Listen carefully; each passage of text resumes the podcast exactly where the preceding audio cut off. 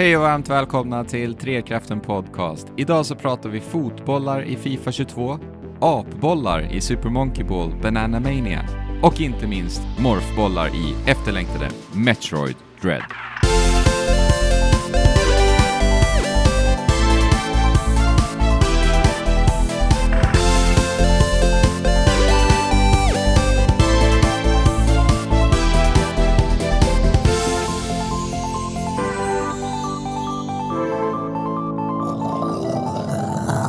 Oj, hörde ni det ljudet? Oj. Hörde ni? Det var planeten Trekraften som sprängdes, men som tur var hade vi precis Just det. svischat iväg med skeppet utom räckhåll för explosionen. Exploderar en saker i rymden undrar man ju. Eh, alltså, det beror på vad man definierar som en explosion. Mm. Det finns ju inget syre för något, någon Exakt. eld att finnas i alla fall. Och ingenting kommer ju låta. Nej. För att det finns ingen, ingen eh, luft att bära ljudvågor i. Nej, Så precis. Fabian som är Trekraftens ingenjör. Ni är välkomna till Trekraften där vi, där vi svarar på sådana här svåra frågor och fler. Eh, Andrew är också med, eh, mer som en, en, en sån här pilot med lite otvunget snyggt hår som bara kastar lite med det så här medan han svänger runt med Mm. rymdratten. Du är också välkommen. Ja, men tack så mycket Jesper. Jag kan svara på svåra frågor jag också. Idag. Ja, men bara om hårprodukter. Precis. Eh, nej, men jag, eh, jag vet inte var det, var det lämnar mig, Jesper Englin här i Trekraften, vad jag är för eh, medlem i eh, vår armada. I, I vårt Space Crew. Jag tror du bara skulle se till så att vi har det bra och att vi är sansade och har sinnet Exakt. i sitt fulla bruk. En slags skepps-AI kanske jag kan vara. Ja, Mm. Som gör att, som ser till att vi kan ta alla, alla bra eh, Svar, beslut. svara på alla svåra frågor. Svara på alla svåra frågor. Exakt.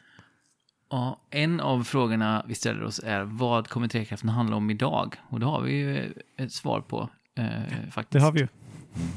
Fabian, eh, kan du berätta en av sakerna som Trekraften kommer att handla om idag? Uh, en av sakerna som uh, Trekraften kommer handla om är eh, att vi ska ta en uh, liten Fifa kickoff. Mm. Det var inte det jag trodde du skulle säga. Nej, det var samma här faktiskt. Men eh, det, det som det, detta avsnitt kommer att fokusera mest på är ju naturligtvis uh, rymdeposet Mm. som fortsätter i Metroid Dread. Den Mm. efterlängtade Metroid 4 som det är Fem. fjärde spelet Fem. under loppet av typ så här. Vad sa du? Fem är det. Fem. Ja. Exakt. Det är fem. Metroid 5. Fast det är väl egentligen typ, jag vet inte, tio eller vad blir det? Ja, precis. Eh, men eh, eh, i 2D i 2D Metroid så är det den femte delen som då har Mm. tagit hur många år då att komma fram till? Typ 19. Ja, 19. 20 år, Mm. 19 år. Metroid-fruktan, äntligen är det här. Äntligen, Eh, som vi har fruktat. Ja, och vi ska prata om både Fifa och Metroid-fruktan lite senare. Eh, men vi ska börja med något annat, Andrew, ju. Nämligen Mm. en annan sorts morphball. Ja. Alltså apor som är inkapslade i någon form av plastboll. Mm. Är Som det frivilligt? Ja. Är de frivilligt inkapslade i frågan, eller är det någon slags eh, sån här Mm. dj- djurexperiment? Nu kommer du, du ju med en svår fråga Jesper. Jag lovat att vi kan svara på dem. Ja.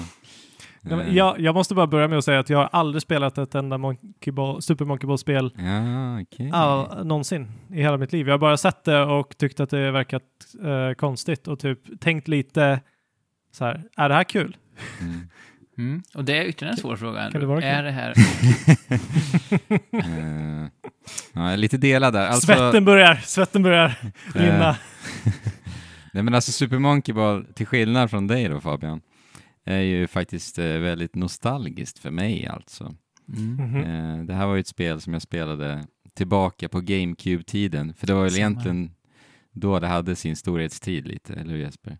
Det var ju Mm. då de faktiskt var riktigt bra, för jag har ju väldigt fina minnen ifrån de här spelen. Ettan och Ja. tvåan framför allt. då. Ja, minispelen har vi kört väldigt mycket också, både jag och Ja. Elin. Det här man ska hoppa ut och landa i en eh, Exakt. måltavla är ju det, jag nästan minns spelet som, fast att det egentligen är sido... Eh, sido Det är precis samma för mig faktiskt. Det var framförallt det, Target Practice tror jag att det heter. Mm. Mm. Riktigt roligt spel. Man skulle både flyga lagom långt, fälla ut sig eh, och liksom så här, eh, sväva som ett eh, segelflygplan och sen Mm. då landa med rätt timing. Det var rätt eh, krävande att bli bra på det. Ja, och tekniskt minns jag det Mm. som. Precis. Men eh, funkar det inte så att du styr inte bollen utan du styr eh, banan. banan? Jo. Jag tror att man som- kan ändra det faktiskt i, i det här nya då, Super Monkey Ball Banana Mania, som det här som vi pratar om nu heter. Ja. Ban bananmani. Mm. Men eh, per eh, standard eh, är att du styr alltså banan egentligen. Det är ju som en sån här gammal klassisk träkulebana som man kan vrida i två axlar Ja. eh, och så försöka få en kula igenom. Det är ju det spelet är egentligen, så man vrider ju Mm. normalt sett då, som du sagt, banan för att få apan att rulla rätt. Fast det går ofta väldigt mycket snabbare än i ett sånt här träspel. ja, men Det i det här det, ja. spelet går det faktiskt också att sakta ner tiden, eller hur Andrew? Om man behöver. Just det, det är någon så här tillgänglighetsmekanik. Jag- Jag har inte fifflat själv jättemycket med Mm. Nej, just det. nej, jag förstår att du inte har behövt det, men för Greta Mm. skulle vara helt perfekt, för att hon, vi satt Ah. och passade controlen när vi spelade det här med familjen. Mm. Det var jättekul, och, men då var det för svårt för Greta efter två, tre banor. Men så gick det att hålla inne då, eh, L eller vad det är, för att få det här slow-mo mode. Så det var helt Just perfekt det. faktiskt. Mm. Men alltså, det är ju någonting med att rulla en boll i spel som jag tycker är typ direkt roligt. Mm. Eh, kolla bara Mm. Morphball i, ja kanske inte i, i 2D Metroid, men i Metroid Prime. Det, är, Ja. ju- det är ju fantastiskt, bara det, nu när vi ändå ska prata om Metroid här idag. Mm. Men exakt. jag vet inte, jag älskar att rulla ihop sig. Titta Super Mario Odyssey till exempel. Eh, Marios eh, rörelsemönster i det spelet, när vi kan rulla Mm. ihop oss och få momentum utav eh, ja, backar och så vidare genom att rulla ihop sig till en boll och få fart. Det är någonting som är så direkt kul med det. Eh, så Ja, det har riktigt ju liksom i kärnan en väldigt rolig mekanik för att allting kretsar ju bara och 100% kring det. Och, Men ja. är, det, är det att man liksom inte liksom har direkt, så, eh, helt och hållet full kontroll på det, utan att man måste liksom anpassa sig efter liksom, ja, momentumet som du bygger upp? Exakt. Och det är det som gör det tillfredsställande när du liksom börjar känna att du bemästrar det lite. Och Ja. Det är såklart mycket fysik inblandat här. Eh, Mhm. Och då kräver det ju såklart att eh, fysikmotorn i kombination med liksom, eh, bo- bollen och hur den beter sig är konsekvent och precis. Liksom. ja, precis. Och jag har väl, det är väl lite där jag blir delad med Super Monkey Ball Banana Mania nu då. För att jag upplever att det är ganska inkonsekvent i Mm. Hur spelet beter sig. Och jag upplever ofta att det känns ganska slumpmässigt. Så här. Varför Mm. hände det där? Varför eh, blev avläsningen i kollisionen så där där, när det kändes som att det borde ha blivit så där? Det är ofta Ja. jag blev överraskad liksom utav resultatet och konsekvenser av, sp- eh, som spelet gav mig. Liksom. Mm. Och det gör det tyvärr ganska ja, frustrerande helt enkelt. Det blir som att det känns som att du klarar av en del banor på tur lite, ofta. Mm. Och det är ju ingen bra känsla. När det känns som Nej, att det är inte du som har lyckats, det är så här, aha, okej, ja. Ja. det Det- råkade det bli bara- så liksom. Ja, den, den råkade bete sig som den borde. Ja, Men alltså, exakt. det där är väl det där är väl generellt ett problem när det kommer till eh, liksom fysikhantering i, i spel. Att det är svårt Ja. att få det konsekvent. Det är ju det, men eh, jag tycker inte att problemet här är att det liksom maskeras inte tillräckligt bra. Alltså det känns, det, det- alltså eh, skillnaden mellan när, för ibland känns det ju bra liksom, och skillnaden Ja. mellan när det gör det och inte är liksom för stor. Där det blir, det, det, det blir så extremt tydligt när det inte gör som det borde. Ja, precis. Man måste, man måste liksom bygga in det i, eh, kapsla, kapsla in funktionerna i Mm. någonting som liksom funkar men som kanske bärs upp av fysikmotorn Ja, på något sätt. För att om, om man förlitar sig alldeles för mycket på bara fysikmotorn så kan liksom en fel vinkel bara göra att Exakt. saker och ting blir helt helt bananas. Ja, de samspelar liksom inte så bra här. Det är så skumt Nej. bara. Det är ofta det känns. Och sen är liksom eh, eh, utmaningskurvan också helt jädra, eh, alltså bananas. Verkligen. Eh, för att helt plötsligt så här, du kan spela typ fyra banor, så bara okej, ja men det här gick ju bra och det, det känns som att du tar dig någonstans och du har ett momentum fram. Och sen så bara helt plötsligt från ingenstans kommer en bana som är alltså helt otroligt svår verkligen. Eh, och det är också en känsla som, eller ger ju känslan av att, att du bemästrar ingenting. Och sen helt plötsligt Nej. så här, klarar av den där svåra banan för att du bara hade lite tur. Med, äh, Ja, Jag vet inte, det är liksom bara upp och ner hela tiden. Eh, Och då blir det snarare en lättnad av att man tar sig vidare, snarare än att så här, ja, jag klarade faktiskt av det här. Typ, ja. Så att jag vet Ja, inte. det- låter ju inget vidare. Nej, jag är lite ljummen tyvärr när jag är ute på andra sidan. Jag har ändå tagit igenom hela storyläget faktiskt. Eh, Mm. Och jag, jag tror att det var banor från Super Monkey Ball 2. Det här verkar vara någon typ samlings, eh, så collection-utgåva utav Super Monkey Ball 1 och 2. Och det var ju just därför jag blev nyfiken på det här också. I och med att ettan och tvåan just är de som jag eh, har spelat tidigare. Men jag vet inte, jag tror så här kanske att Super Monkey Ball kanske inte är så kul längre. det är väl lite det. Ja. Det- Det, det vore ju kul om du testade de gamla spelen och se om du De kanske tycker att de, till och med är de bättre. funkar bra Ja, fortfarande. Eller om de kanske är Mm, bättre eller så. Precis. Ja, men jag får lite den känslan i... Ja, nu är inte det här ett... eh, Det är ju ett Sega, Sega-spel. Mm. Eh, Men eh, får lite den känslan i en del av Nintendo-spel i övrigt också med Mm. WarioWare och Mario Golf och så. Att, att man får den känslan så här, men eh, det kanske är jag som har växt ifrån dem lite grann. Men sen om man Mm. testar äldre spelen så märker man att så här, nej just det, det är nog att spelen har blivit lite, ja men det här med diminishing returns, det händer inte tillräckligt mycket mellan spelen eller, Mm. eller det är inte lika mycket själ i dem på något sätt. Jag vet inte eh, om det Nej, finns någon trend där. Det där kanske... kan vi återkomma till säkert med Mario Party Superstars som vi ska spela här också. Precis. Ja, det ska bli spännande. Och Mm. eh, jag var tvungen att kolla upp, eh, för embargot släppte väl idag va? För det. Ja, Eh, exakt. Och det såg ju ut betygen så. ser ju Ja. mycket högre ut än vad det brukar vara. Så att, och jag brukar ju älska de spelen även när betygen är sådär. Så att Mm. eh, fick ju hype-mätaren att öka ännu mer. Det ska bli kul. Mm. Ja, men just nu när det är en typ remake, eller det är väl också egentligen en samlingsspel. Eh, Mm, spel, precis. Liksom, ja, N64, ja. eh, nostalgi. Mm.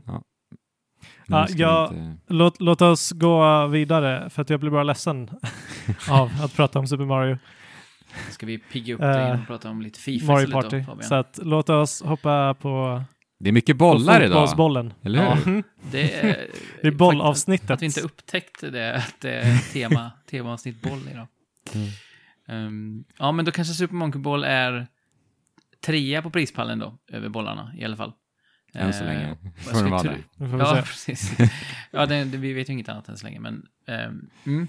Nej, men Fifa 22. Det är det senaste spelet i Fifa-serien.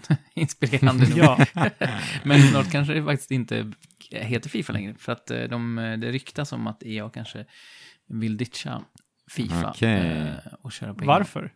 Då? Jag vet inte om det kostar väl säkert mycket att ha den licensen. Eh, och Fifa har ju inte bara positiva konnotationer. Mycket korruption och så. Jag vet inte riktigt varför, men det ryktas om Mm. det i alla fall.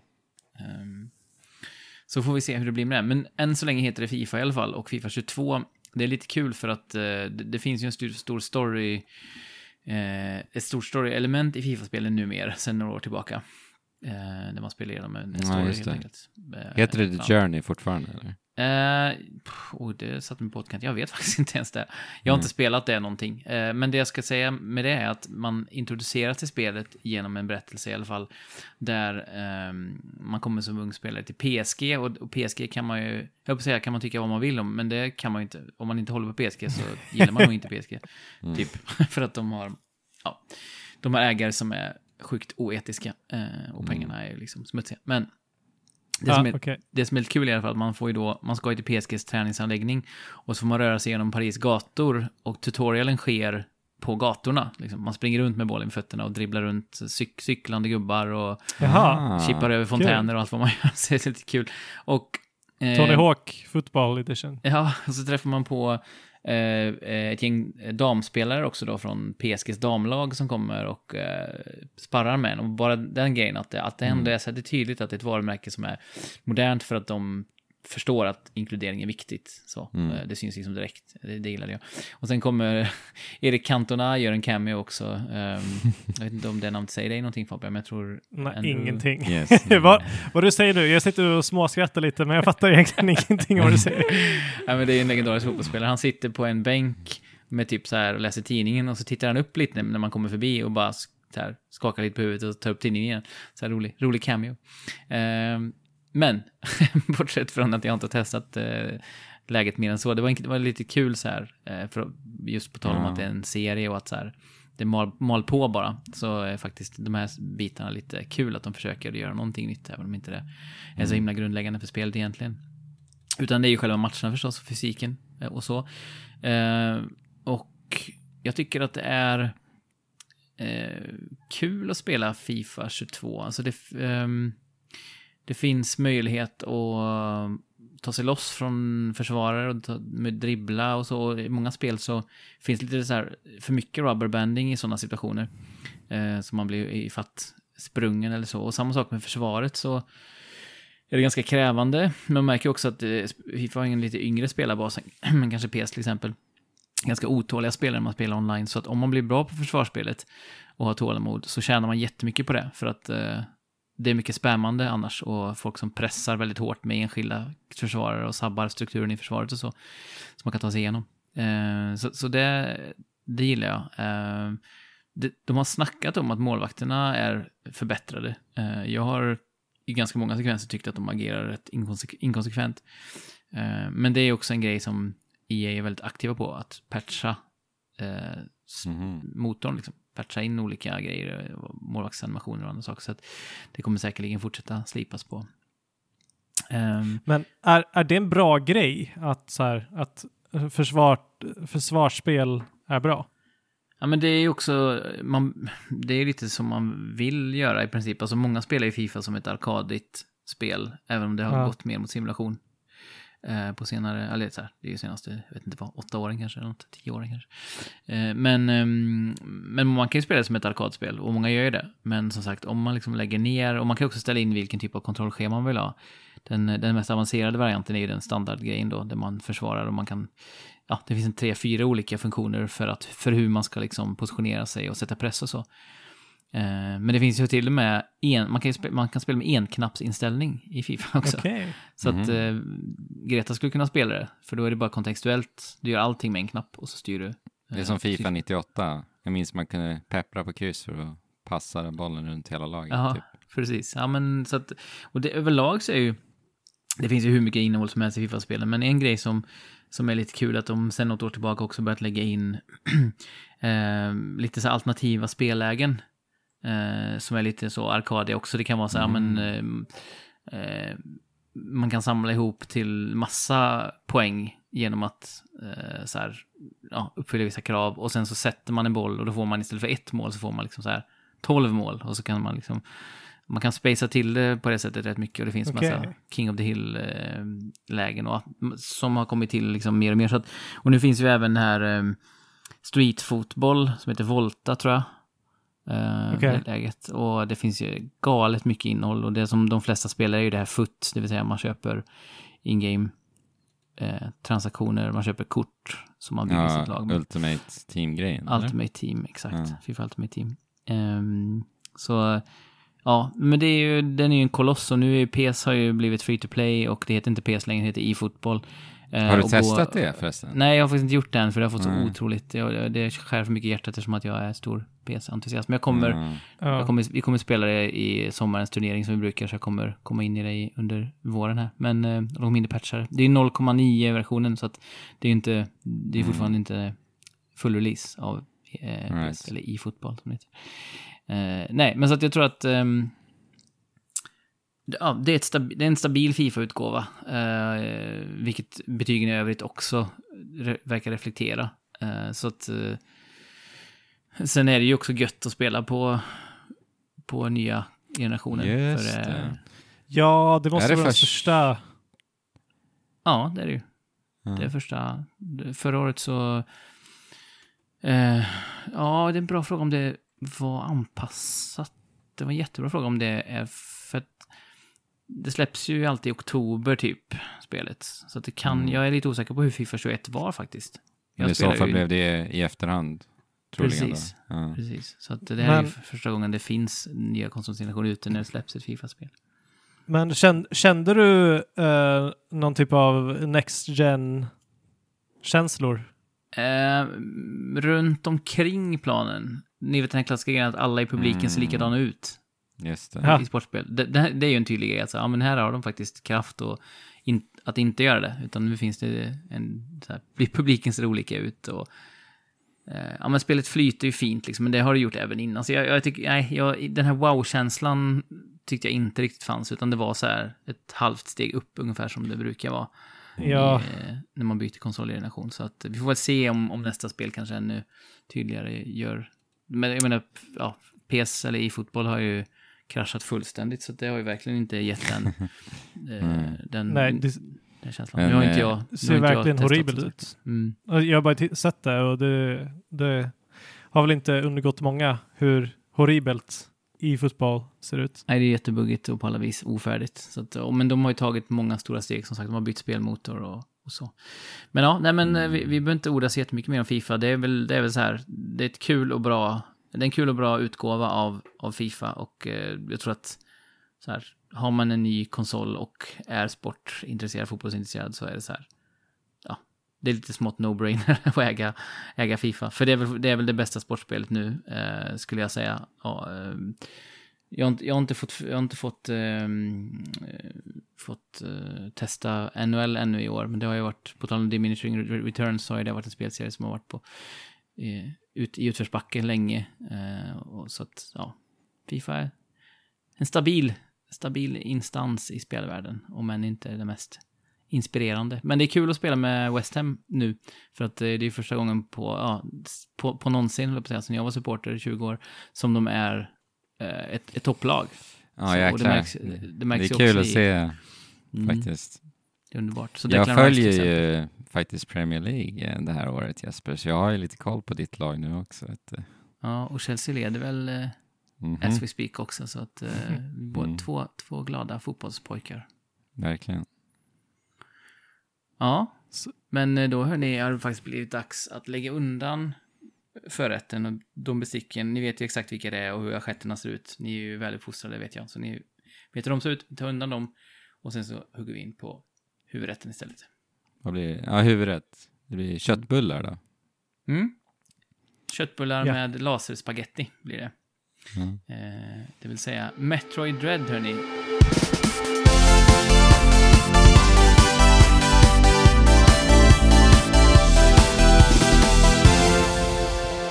Första 2D Metroid, som du sa Fabian, på, eller första nya 2, 2D Metroid på 19 år. Jajamän, Vilken grej! vilken grej. Men det är inte det enda som, som är eh, nytt. Vi har ju spelat, jag och Andrew i alla fall, har spelat Metroid Dread på den nya utgåvan av Switch, Oh, OLED-modellen. Mm. Mm. Oh. Vad har, du för, vad har du för kommentarer, Andrew? Alltså, eh, lite så här faktiskt ändå. Jag fick ändå lite wow-upplevelse. Eh, Eller hur? ja, när jag startade den första gången. För att skärmen är otroligt läcker verkligen. Den, den, den, är, ja, den är oerhört god. Ja. Det är nog, om det fasen inte är typ den snyggaste skärmen jag har i mitt hem. Lite den känslan fick jag. Alltså, och sen typ att, att det har, den här lilla manicken har typ blåst tillbaka liv i Switch-konceptet för mig faktiskt. Definitivt. Så att jag, jag vill, alltså jag väljer att spela handhållet mycket mera eh, efter Ja. att jag har fått den här. Och det kanske är ett lyxproblem också, i och för sig, för att typ jag har ju en väldigt fin tv också så här, och det är ju framförallt OLED-tekniken som kanske har varit det som har skurit lite så här för mig när jag inte, eller när jag har gått och spelat Nej, handhållet precis. innan. Eh, så att det är väl lite så. Men eh, det känns, det känns ju eh, inte som att det blir någon, eh, någon skillnad riktigt när jag liksom skiftar mellan eh, handhållet nu. Nej, precis. För att alltså skillnaden är, är enorm mellan, mellan uh, uh, basenheten Ja, och den här OLED-enheten. Dels alltså, den ser ju helt, den ser ju definitivt mycket slikare ut med ja den här eh, mycket mer 0,8 premium-känsla. Ja. och uh, vad heter det, plasten är matt på ett sätt som gör att det, den, jag vet Mm. inte, den känns bättre att hålla i och, och känna, kännas på. Mm. Eh, helt enkelt. Det är också små Helt enkelt. detaljer som jag tycker om. Ni vet den här seriekoden som, som var liksom på Ja. undersidan Ja. av den förra switchen. Exakt. Eller ja, Jesper, nu pratar jag som att vi alla har den.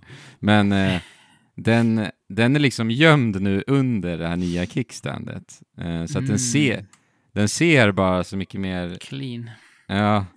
Och även den här Ja. informationsprokttexten är också gömd där under. Så att det är Mm. liksom, baksidan av den är helt, helt, eh, Helt clean. tom med bara switch-loggan. Liksom.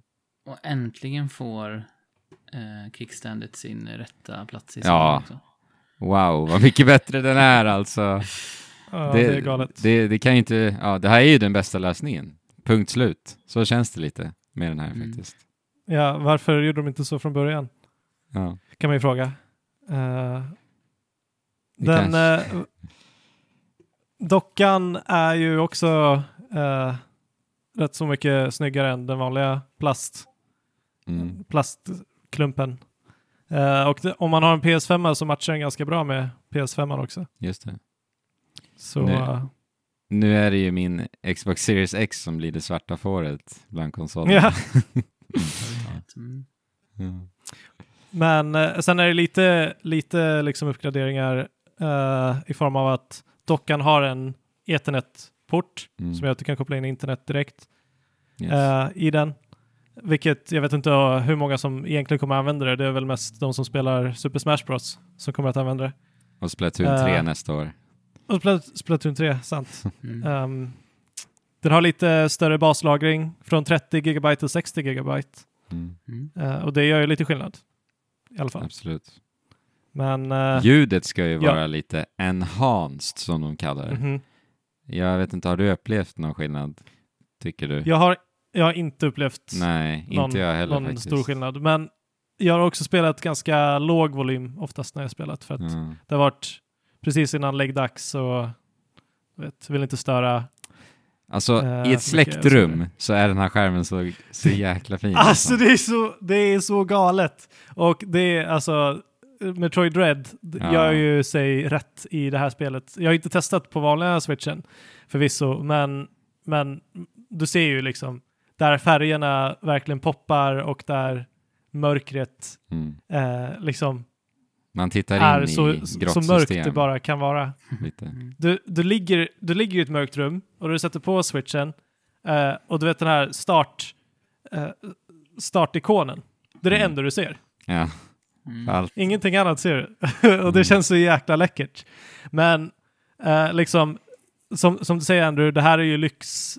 Eh, det här är ju bara lyx. Det är ju inte som att den gamla switchen är obsolet på något sätt. Nej, inte Eh, alls. Eller att det här är någonting man måste Nej. ha av någon anledning överhuvudtaget egentligen. Nej.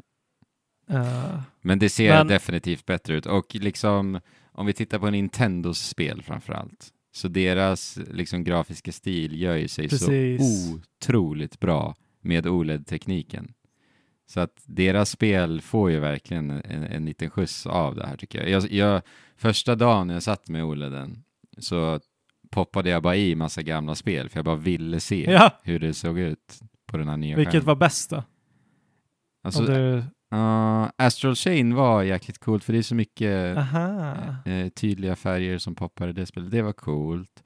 Luigi's Mansion 3 var så fantastiskt snyggt. Ja, det kan jag tänka Mm. mig för att det är så mörkt. Ja, precis, för att det är så mörkt. Och ficklampan och det spelet är ju jätte, jättesnyggt. Och, ja, Mm. det ser riktigt, riktigt bra ut. Så jag tror de två kanske var de som stack ut mest, när jag bara tänker nu. Också, Ja. också den eh, mest eh, efterhärmade eh, Mario-utropet här hemma eh, ifrån Luigi's Mansion 3. Eh, när, eh, Mario! Ja, precis. Mario! Går vi runt och säger jag och Greta. Sen glider vi in på Peach, eh, Peach-ropet också. Mario! När hon blir bortrövad. Ja. Ja, gulligt. Men eh, ja, så att eh, OLEDen är lite som Fifa 22. Slipat, snyggt, strömlinjeformat, men inte ett måste på något sätt. Mm. Ja, Men köper Ja. man en ny. Switch, ska man då köpa OLED-switchen? Trots det skulle är... jag säga definitivt. Ja, Alltså utan tvekan ja. faktiskt. Eh, för det, det, det, det, som sagt, det har gett ett nytt liv till handhållet spelande på ett sätt. För att jag menar, idag så är alla dina handhållna saker eh, ofta OLED. Mm. Mm. Eller jag menar i alla fall din, din nästan alla telefoner är standard OLED. Eh, Många nu, om du har en OLED-TV så liksom skillnaden att gå till en vanlig switch blir ganska stor. Mm. Det är ungefär som att du skulle titta på en gammal telefon. Liksom. Det, är, Mm. det är inte härligt för ögat att liksom göra den downgraden. Men ja, så därav om du köper en ny switch så, så, så lägg den extra, extra slanten på OLED. Det kommer Ja. vara värt det. Ja, jag insåg det nu, för jag har inte tänkt att jag ska skaffa någon OLED-switch. Men om Breath of the Wild 2 kommer ut innan nästa eh, Switch-iteration, vilket är Just högst det. troligt, så måste jag ju nästan köpa en OLED-switch.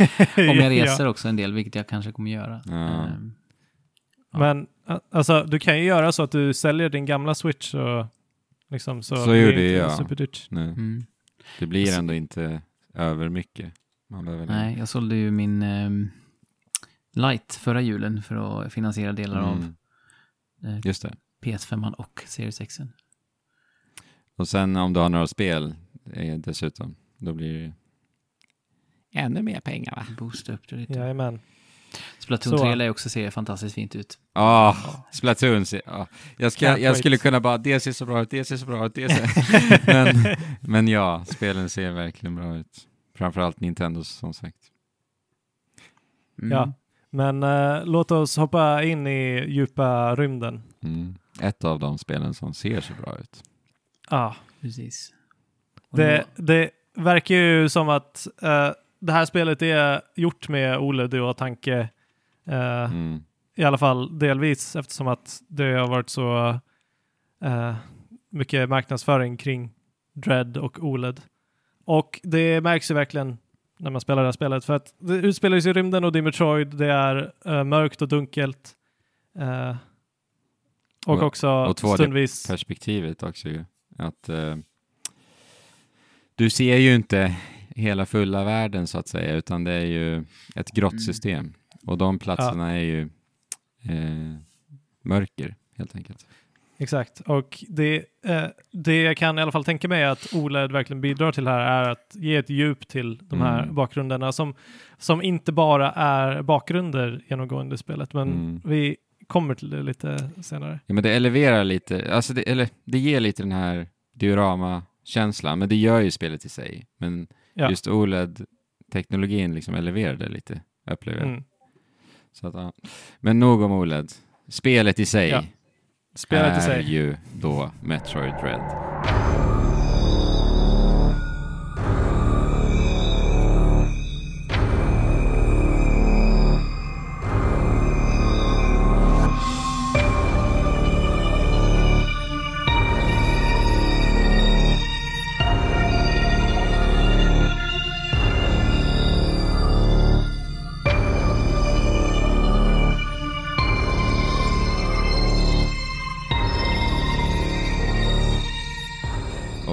Vi startar det här spelet första gången så möts vi ju utav den här titelskärmen.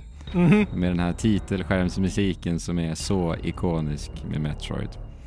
Eh, och jag vill bara så här börja det här pratet med att säga att jag minns mig ehm, känna så här Jäklar vilken ren start på ett spel det här var. det var verkligen, jag tryckte på switch-ikonen och sen så var jag på en titelskärm.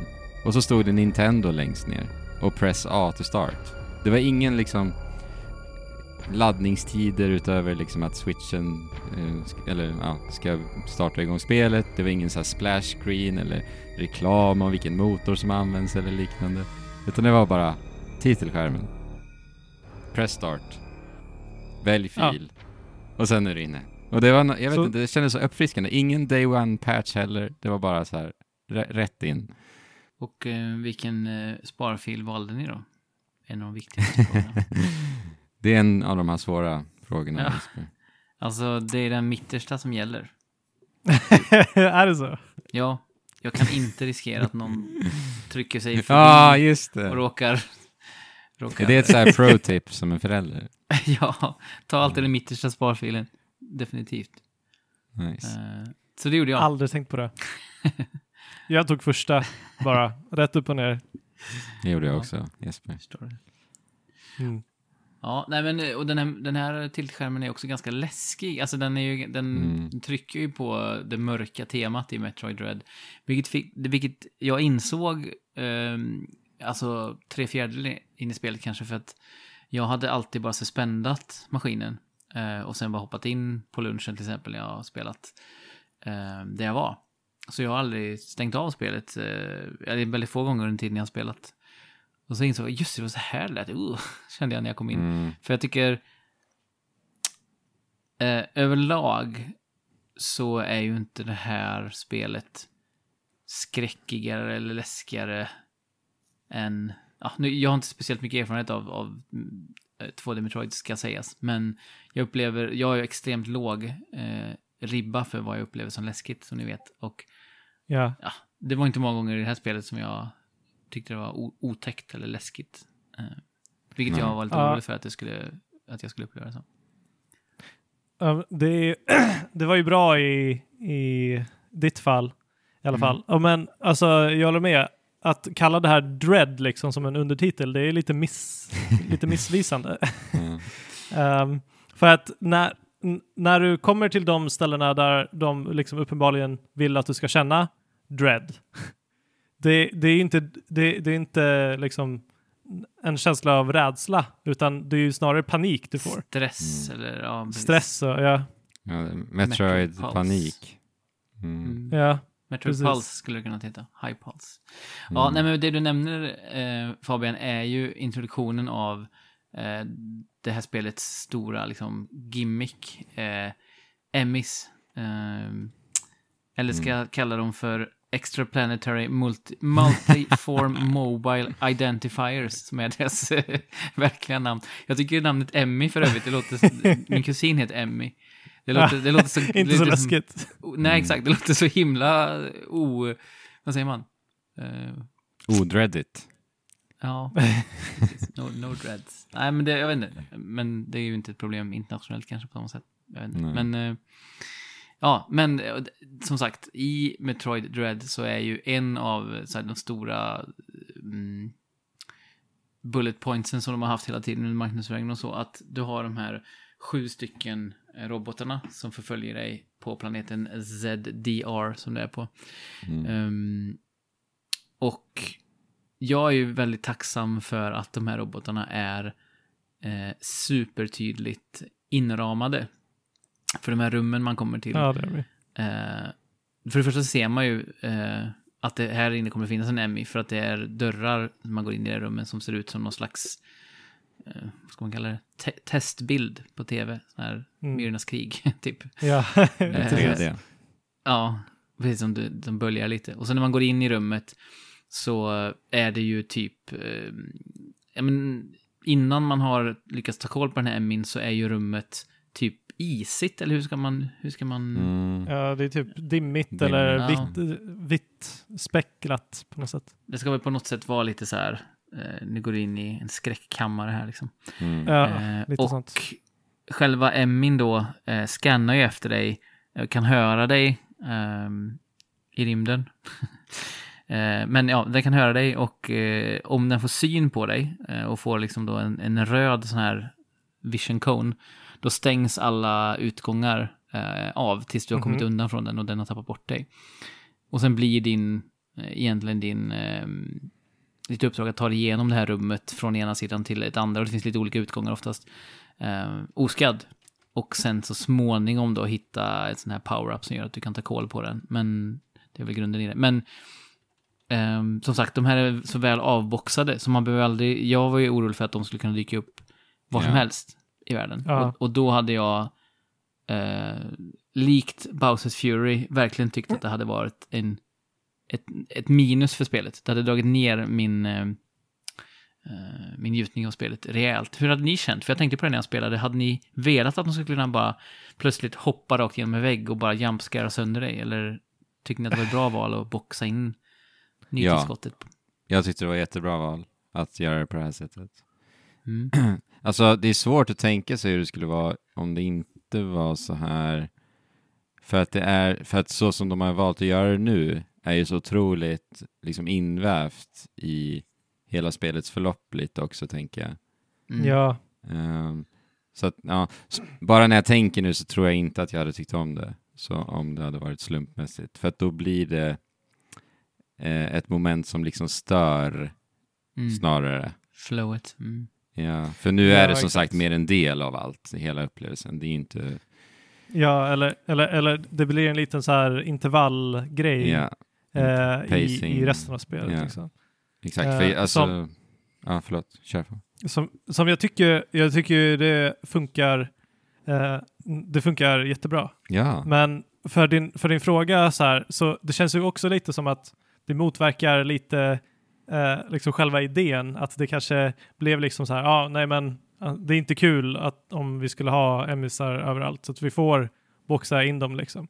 Mm. Men som sagt, det funkar bra i pacingen även om det liksom eh, det, det ger ju inte den effekten som det skulle kunna ha lite som mm, Alien Isolation eller, mm, Mm. eller så. Mm, nej, Men precis. sen om det skulle bidra till spelet, det vet tusan. För att alltså, det här att gå in i de här MS-rummen, det är ofta, ah, det är inte dread man känner, men lite ångest känner man lite. Ja, så här, uff, Eh, där I alla fall i igen. början. Någonstans är den liksom. Precis, men det blev aldrig så tryckande att det var liksom så här jobbigt, någonting som man inte, Vill, eh, mm.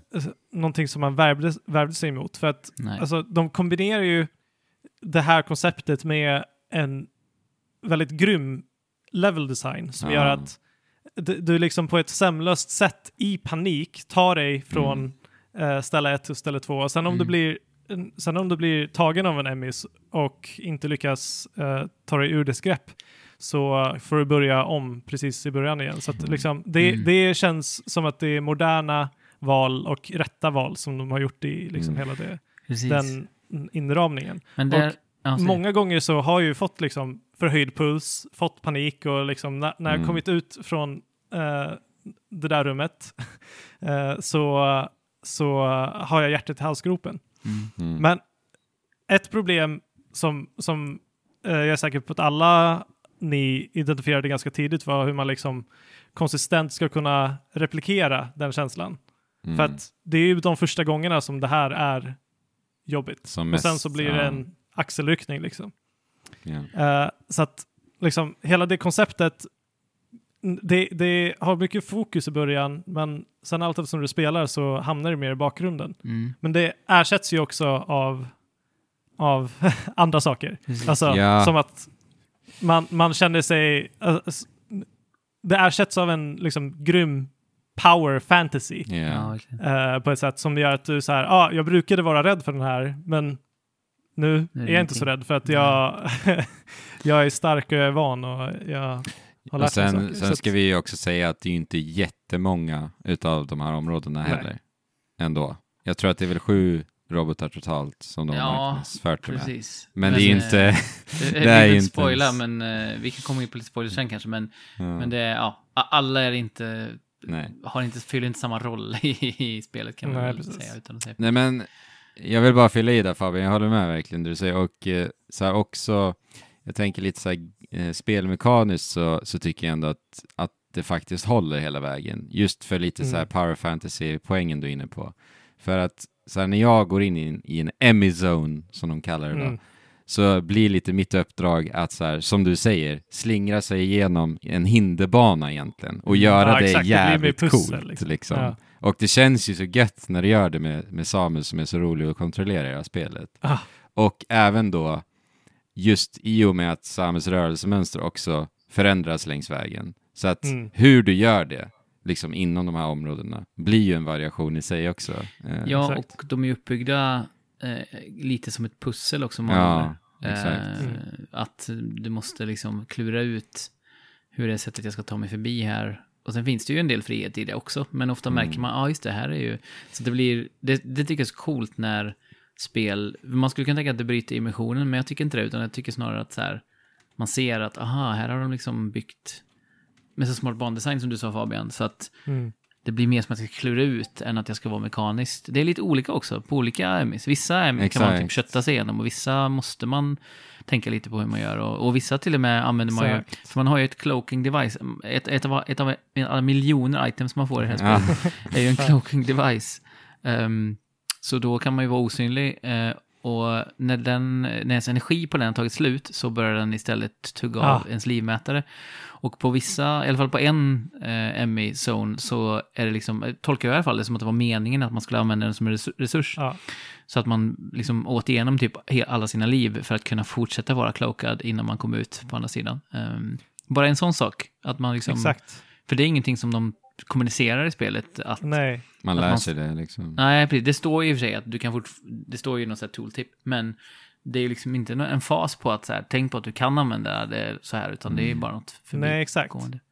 Och, och det blir det blir en discovery lite när man så här första gången så försöker man och sen bara nej nu börjar jag förlora liv så att jag tar Mm. av mig den men då går allting åt skogen. Ja. Så att det blir en, det blir en liksom lärande journey. Mm. Och, och um, sen, sen om man ändå blir fasttagen som ni sa, så har man ju också, för, för i det här spelet, precis som i, eh, heter det? Samus Returns. Ja, så har man eh, en eh, dodge, eller inte en dodge, en, eh, Counter. Counter. en counter ja. Kontring. ja. Då, då ser man ju när fienderna har det här eh, guldglimret eh, som blir i deras Mm. attacker som man kan, eh, kan slå tillbaka. Och, och um, Emmis har ju två sådana eh, väldigt, väldigt snålt tilltagna eh, Tillfällen sek- där, ja. ja, där man kan Mm. göra just slå tillbaka och kontra. Mm. Men jag måste säga att, jag vet inte hur man ska säga det här utan att låta dryg, men jag tyckte man kunde lära sig det hyggligt och ganska många gånger Aha. ändå ta sig loss ifrån dem. Alltså verkligen inte varje gång, men ändå Ja. hyggligt ofta, tyckte jag. Jag vet inte hur ni uppfattar det. Eh, jag upplever det som att det är sjukt random varje gång. Det finns, det finns ingenting som, i alla fall de gångerna jag har blivit fasttagen, eller skillnaden mellan de olika gångerna jag har blivit fasttagna, som har liksom kommunicerat på något sätt eh, när, när det kommer. För Men är det att- inte lika Eh, länge ib- mellan? Ibland så tar det liksom en sekund, ibland tar det typ tre sekunder innan, innan du ska Ja. trycka. Och, och animationen som emisarna gör, de, de är liksom inte linjärt fördelade på, på den här eh, tiden som du kan kontra på, utan, utan det, det känns bara som att det är random och därav att det bara blir tur om du lyckas, eh, om du lyckas kontra. Alltså det är så jag upplever det. Ja, men jag, jag upplevde det som att det är snarare är ett, ett jämnt intervall mellan, att man kan lära sig ö, ö, från första attacken till andra hur långt Nej, intervall det är. nej, nej, nej.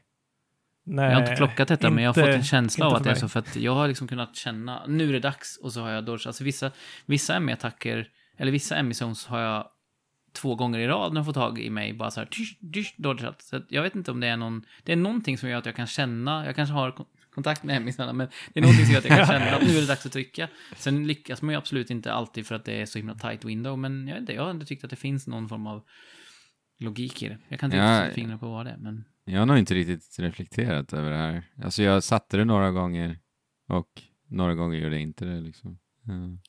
Ja, nej men... Alltså det kanske är någonting i, alltså jag, som sagt jag har inte spelat med jättehög volym ofta när jag spelat det här så att det kan vara någon audio cue ja, på något sätt också. Exakt, det är ju sånt där ljud. Och det är ju också så här när Ja. de får tag på en ehm, så blir det ju extrem hetsig elektronisk musik som är, Ja, Mm. den är väldigt obehaglig på ett sätt men också väldigt härlig för den, den skapar ju verkligen en, alltså den Puls. försätter ju kroppen i en, eh, så här, som när man hoppar i kallt vatten ungefär, man blir så här, så liksom, man får den Mm. reaktionen lite grann, fast inte så kraftig kanske, men, men den, den är väldigt effektiv, den musiken tycker jag. Eh, Det är svårt att inte bli stressad. Eh, Mm. Och Ja, barnen, verkligen. barnen satt och tittade på en, en, bara en sekvens när jag spelade mot den och eh, så här, Greta satt och höll utkik efter den. Ah, det där, det där, det där, kommer! hon, fick verkligen, hon fick verkligen Metroid Panic. När Jag den, kan tänka mig det. eh, Men men ja, ja. man kan göra sig av med de här eländena också till slut. Ja, precis. Och det är väl kanske framförallt då det blir lite just pussligt som du var inne på Jesper, när man Ja, väl ska ta ner visst. dem. För att då eh, handlar det ju egentligen lite om att hitta en lång sträcka så att du får en, en Precis. ganska lång distans mellan dig, Samus och den här Emin då. För att det, då ska Mm. man helt enkelt bara peppra på med någon form av Mm. eh, laservapen för att smälta ner någon sköld och sen så drämma iväg ett, ett laddat skott för att få, få ihjäl dem. Och de här Ja. laddar man ju också upp då, eh, det här, de här eh, skotten eller vad vi ska kalla dem, Ja. det här vapnet, Mm. genom att döda en liten Mother Brain miniboss egentligen. Väldigt enkla minibossar. Det är också kul att de så här pacear det så att den alltid är lätt, så att man känner sig Mm. lite duktig innan man Ja, just det. ja, Face Emin. Men, ja, och sen så stängs den av, den kanonen sen då, direkt när du har dödat Emin, för att den är ju lite för OP annars. Ehm, Mm. Men, eh, och det är kul också, för då går man ju faktiskt in i, eh, alltså man, man då förflyttar spelet perspektiv. Från Just det här Mm. 2D-planet till ett 3D-plan, där man liksom tittar i, i ett djup, liksom. Man tittar in i ett rum istället från Ja, Samus snyggt. liksom, eh, Mm. axel ungefär, eller vad man får kalla det, eller snett bakom kanske. Um, ganska coolt att det, att det Mm. kan skifta perspektiven på det sättet. Och det gör det ju, det, det, det, det flörtar ju med Metroid Dread, eller Metroid Prime ska jag säga, flera gånger också i spelet i cutscenes och sånt, när man ser Samus ifrån ungefär, ja, med visiret och så som man gör i Dread, Ja. eller Prime. Prime. Herregud. det händer några gånger. Eh, ja, det märks att de liksom blinkar till Prime-serien. Eh, Ja, jag- jag, vill, jag vill bara säga att den här, eh, det här spelförloppet när man tar ner Emin, jag tycker att de har fått till det riktigt bra. Mm. Alltså det är så tillfredsställande. det är att, nervkittlande varje gång. Ja.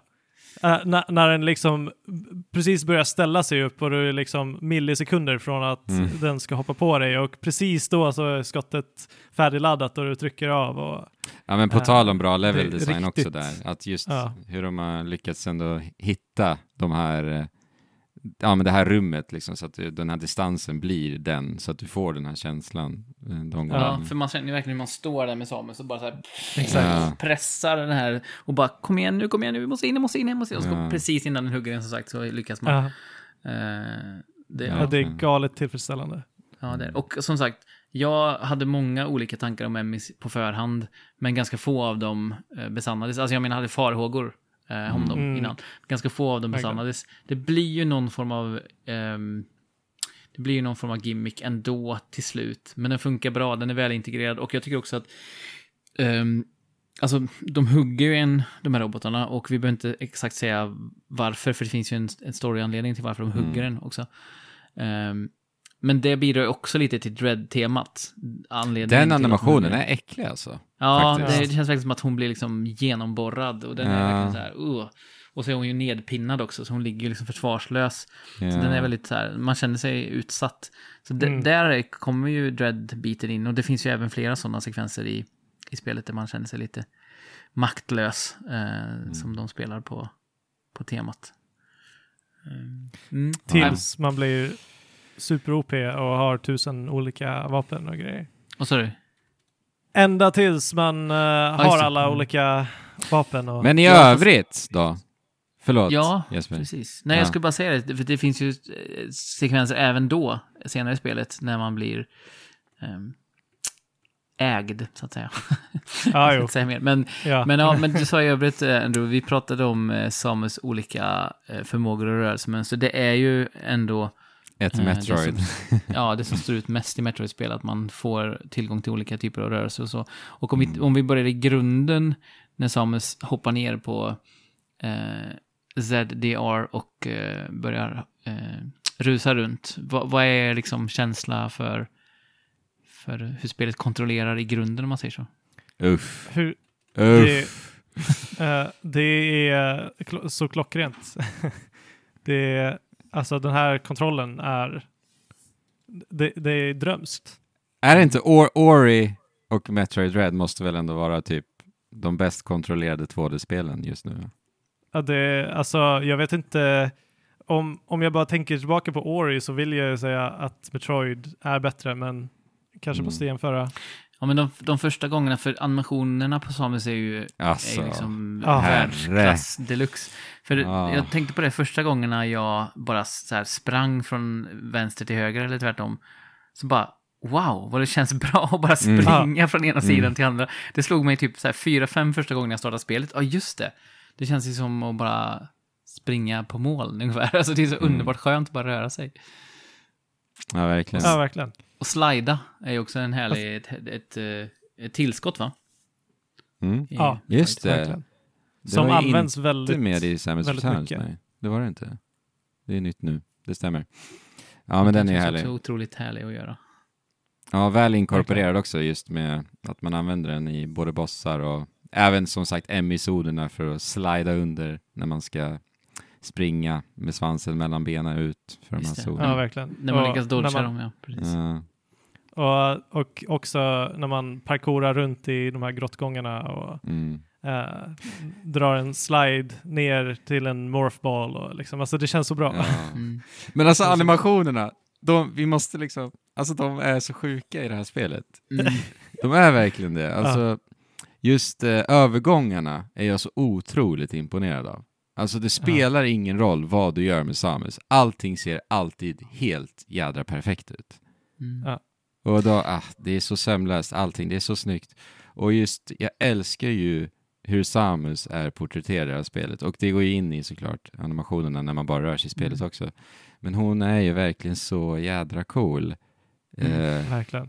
och eh, hon är så liksom kaxig i sin framtoning på något vis. Eh, Ja, om de har skruvat upp liksom hur utsatt hon är, så har de också skruvat upp hennes badass-mätare till 11 liksom. Hon Ja. är ju, Ja. alltså bara i bossstrider i lite så här, det finns ju quick time events eller mellansekvenser där man kan fortsätta skjuta sina raketer. Ja. De är ju I liksom. Ja. alltså de är ju liksom löjeväckande coola. Det är så här. Ja. Eh, Ja men exempel att hon, det var någon som tog det, jag hörde en annan, en podd, en amerikansk podd, de exemplifierade med när hon, när hon möter, eh, eh, hur ska säga, är det Kraid eller?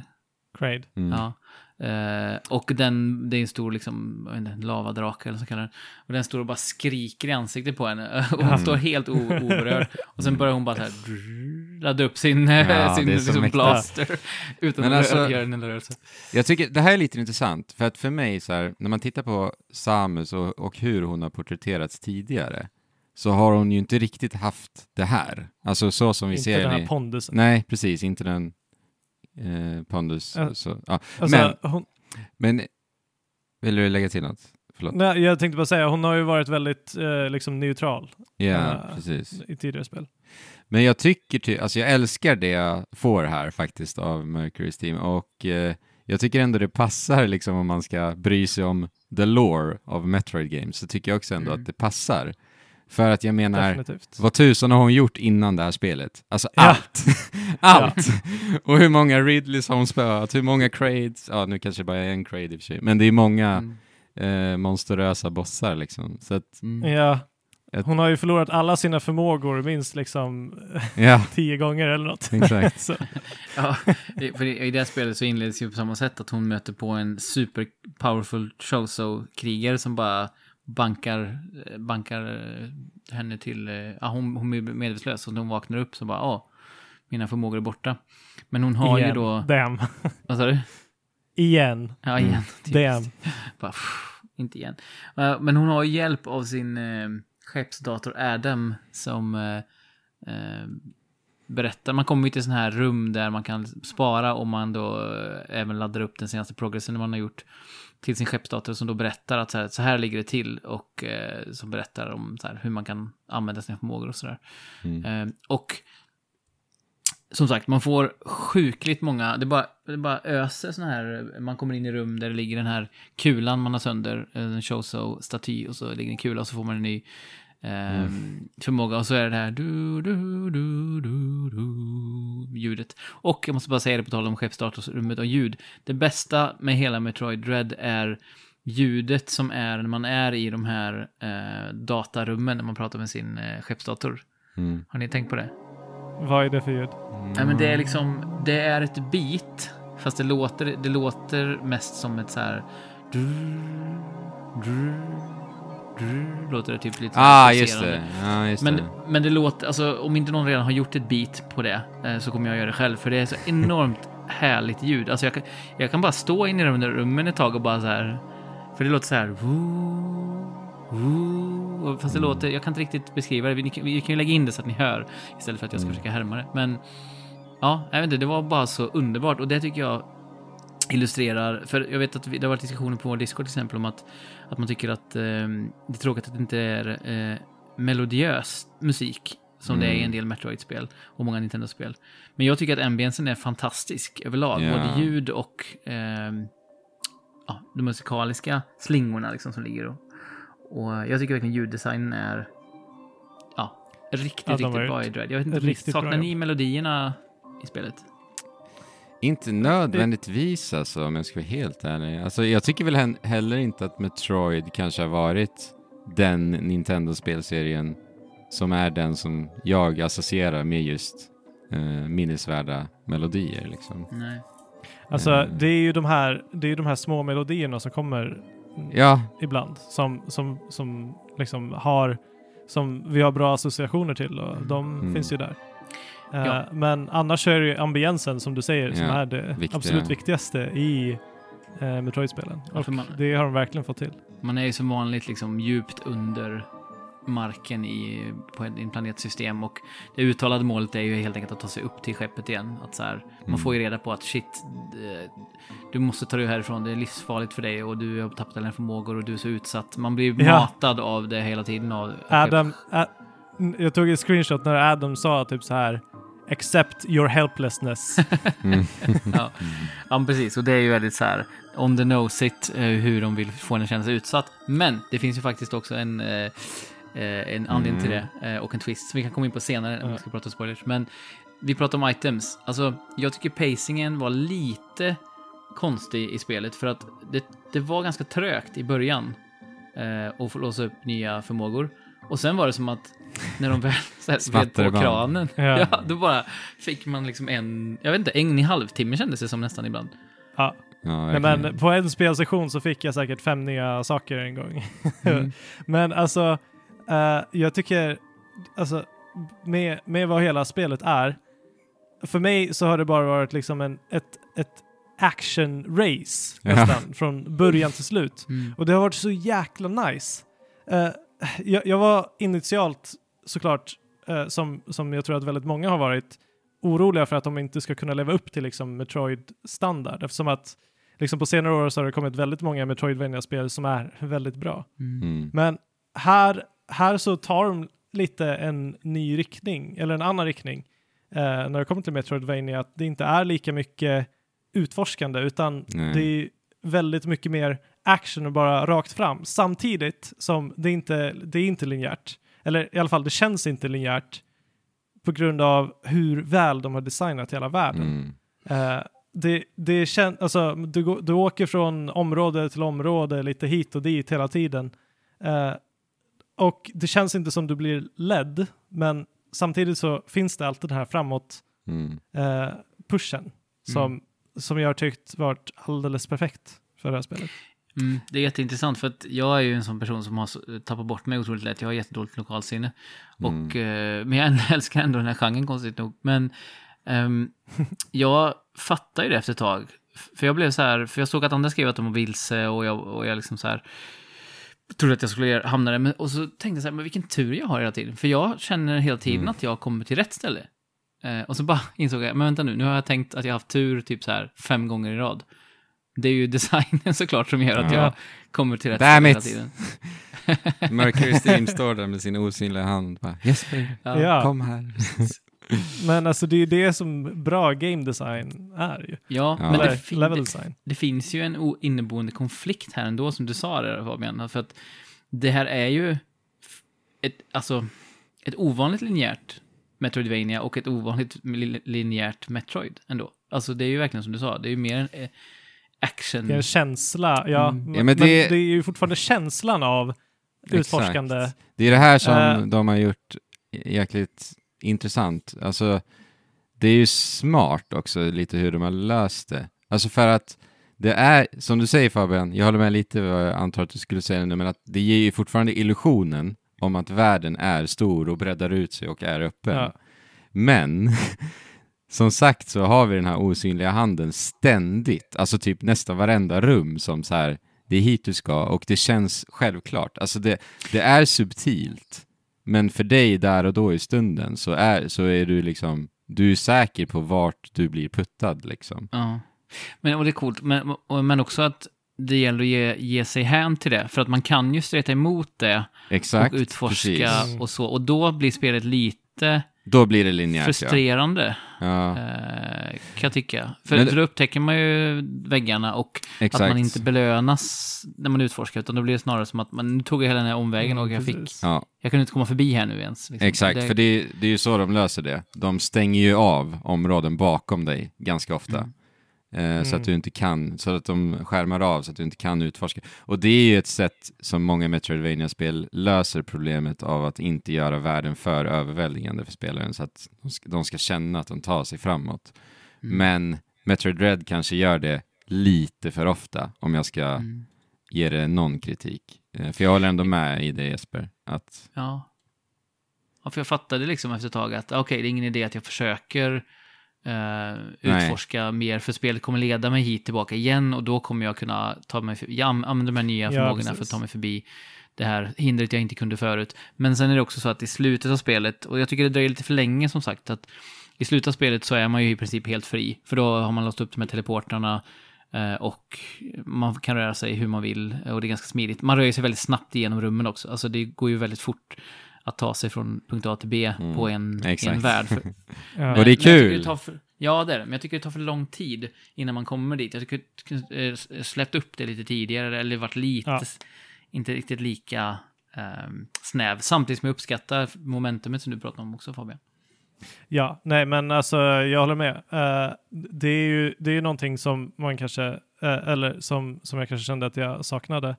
Eh, men det beror ju också på hur och när du spelar spelet. Jag menar, just nu har jag spelat det spelet i en ganska liksom, tum tumultig tid. Mm. Eh, där det bara varit skönt att, att eh, bli ledd av den här osynliga Mm. handen och, och, får, och liksom att det ger illusionen av att eh, det liksom finns ett större djup än vad det egentligen finns har, ja, har spelat till min fördel i det här fallet. Men eh, i andra, i andra skeden av livet så kanske liksom mer utforskande hade varit, alltså eftersom att det är så centralt i alla fall i, eh, för den här genren och att de så uppenbarligen Mm. eh, är, är någonting de håller ifrån oss i det här spelet så Mm. ja visst, Men- det är inte designat kring det men så som det är designat och eh, liksom resultatet av min upplevelse har varit eh, liksom jättebra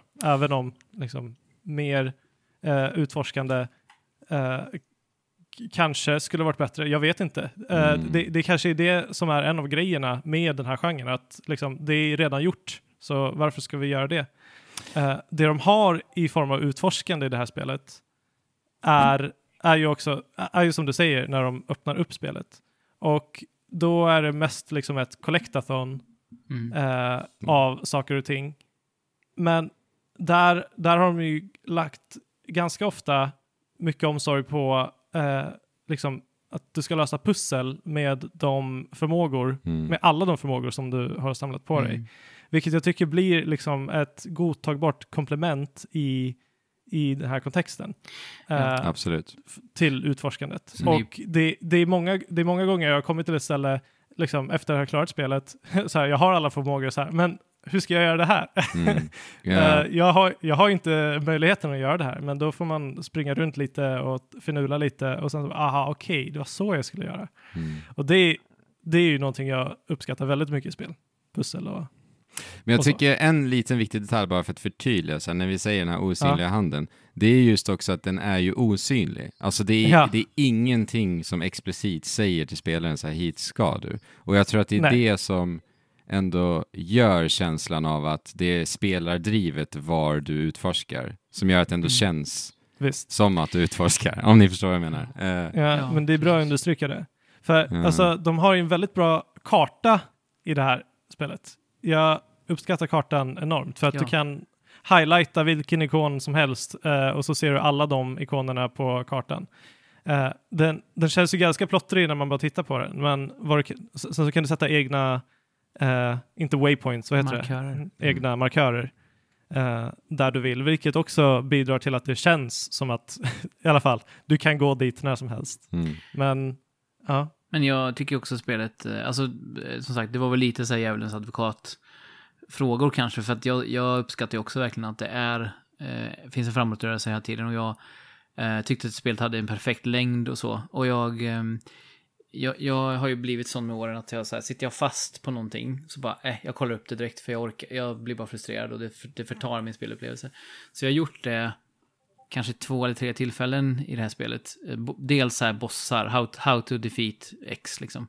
För att Ja. få förstå strategin. Eh, För no, vissa bossar så måste man förstå pusslet för att ens kunna klara av den, för annars så loopar den Mm. bara hela tiden om och om igen.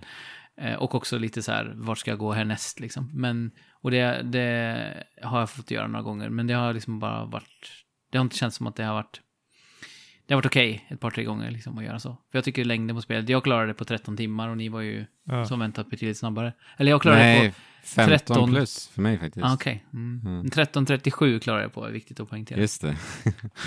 knappt åtta timmar för mig. Mm. Eh, med 51 procent items. Hur mycket Ja, samlade ja. du? Nej, jag är 100% på 15 plus. Mm. Ja, det är 75% items. Men det är också pacingen lite att inför sista bossen så har man ju förmågan att röra sig runt fritt. Och det är lite Mm. som att nu för att ladda upp inför sista striden så går du runt och samlar på dig lite grejer. Så gjorde jag i alla fall. Och jag tror att många gjorde Mm. så. Ja. Har låtit, har låtit som. Ja, men jag är ganska, alltså, jag är ganska trött på hela det upplägget. Att man så här, ah, okej, nu ska jag, nu ska jag completa allting innan sista. Mm. eh, Ja, det, är sista bossen lite, det känns lite platt på ett sätt hur man implementerade systemet så. Men Mm. jag gjorde det för att jag tyckte om spelet väldigt mycket. Jag ville bara nj- Ja, njuta av det liksom och fortsätta göra Som saker sagt. som spelet är. Men, ja. Det är som sagt det är tillfredsställande att bara röra sig. Men Ja. eh, det, det vi inte har, har djupdykt i är ju en av de allra största behållningarna i det här spelet som då är de här, eh, det här ökade fokus på, fokuset på action. Mm. Mm. eh, och bossstrider och så. Som du säger, eh, som du säger Jesper, så är det många bossstrider som i första, första gången du försöker så blir du bara helt superägd. Mm. ja. Eh, men sen, sen när man kör dem några gånger, alltså bossarna är ju också designade på ett sånt sätt att det liksom är relativt enkelt att eh, läsa av dem. Mm. Men, det, men där också, det, det känns som att du lär dig eh, på ett rättvist sätt, Mm. men sen så kanske det inte är så svårt som det verkade vara från första början. Det är Nej. någon osynlig hand där också. Mm. För att när du väl har lärt dig bossen så, så är det nästan som att man skäms för att man har wipat på, för att man Och, wipade på den första gången. och så otroligt tillfredsställande när du bara sätter det eh, den gången Ah. du klarar av det. Ja, och För eh, alla bossar har ju någon typ av counter som, Ja, som man inte ja. behöver sätta. Men när man sätter den, och framförallt när man sätter den när man inte har sett den förut, Mm. det är så tillfredsställande. Och det går Mata in i en, missiler. eh, Ja, Ah. det går in i någon slags cutscene där man rider runt på monstret och bara så här skjuter ismissiler på den. eh, Bara. Jag, jag räknar, räknar ofta i sekvensen hur många kan jag få in som max. Ja. 15 var svaret på en av bossarna vet jag i alla fall. Ja, men alltså, det, det är så nice att bara, att bara mata missil på missil på missil. Mm. Mm. Och det där var men- också ändå någonting som jag så här bara reagerade på, som spelet inte förklarar. Det är så här, Nej. om du får in en counter så fick man bara lära sig att så här, ja, okej, ja men jag kan skjuta lite Man kan missil, jag kan skjuta, ja, okej, man Ja. kan inte peppra, men du kan ladda upp ett, ja. Så man fick Ja. liksom testa sig fram lite där, tyckte jag om ändå.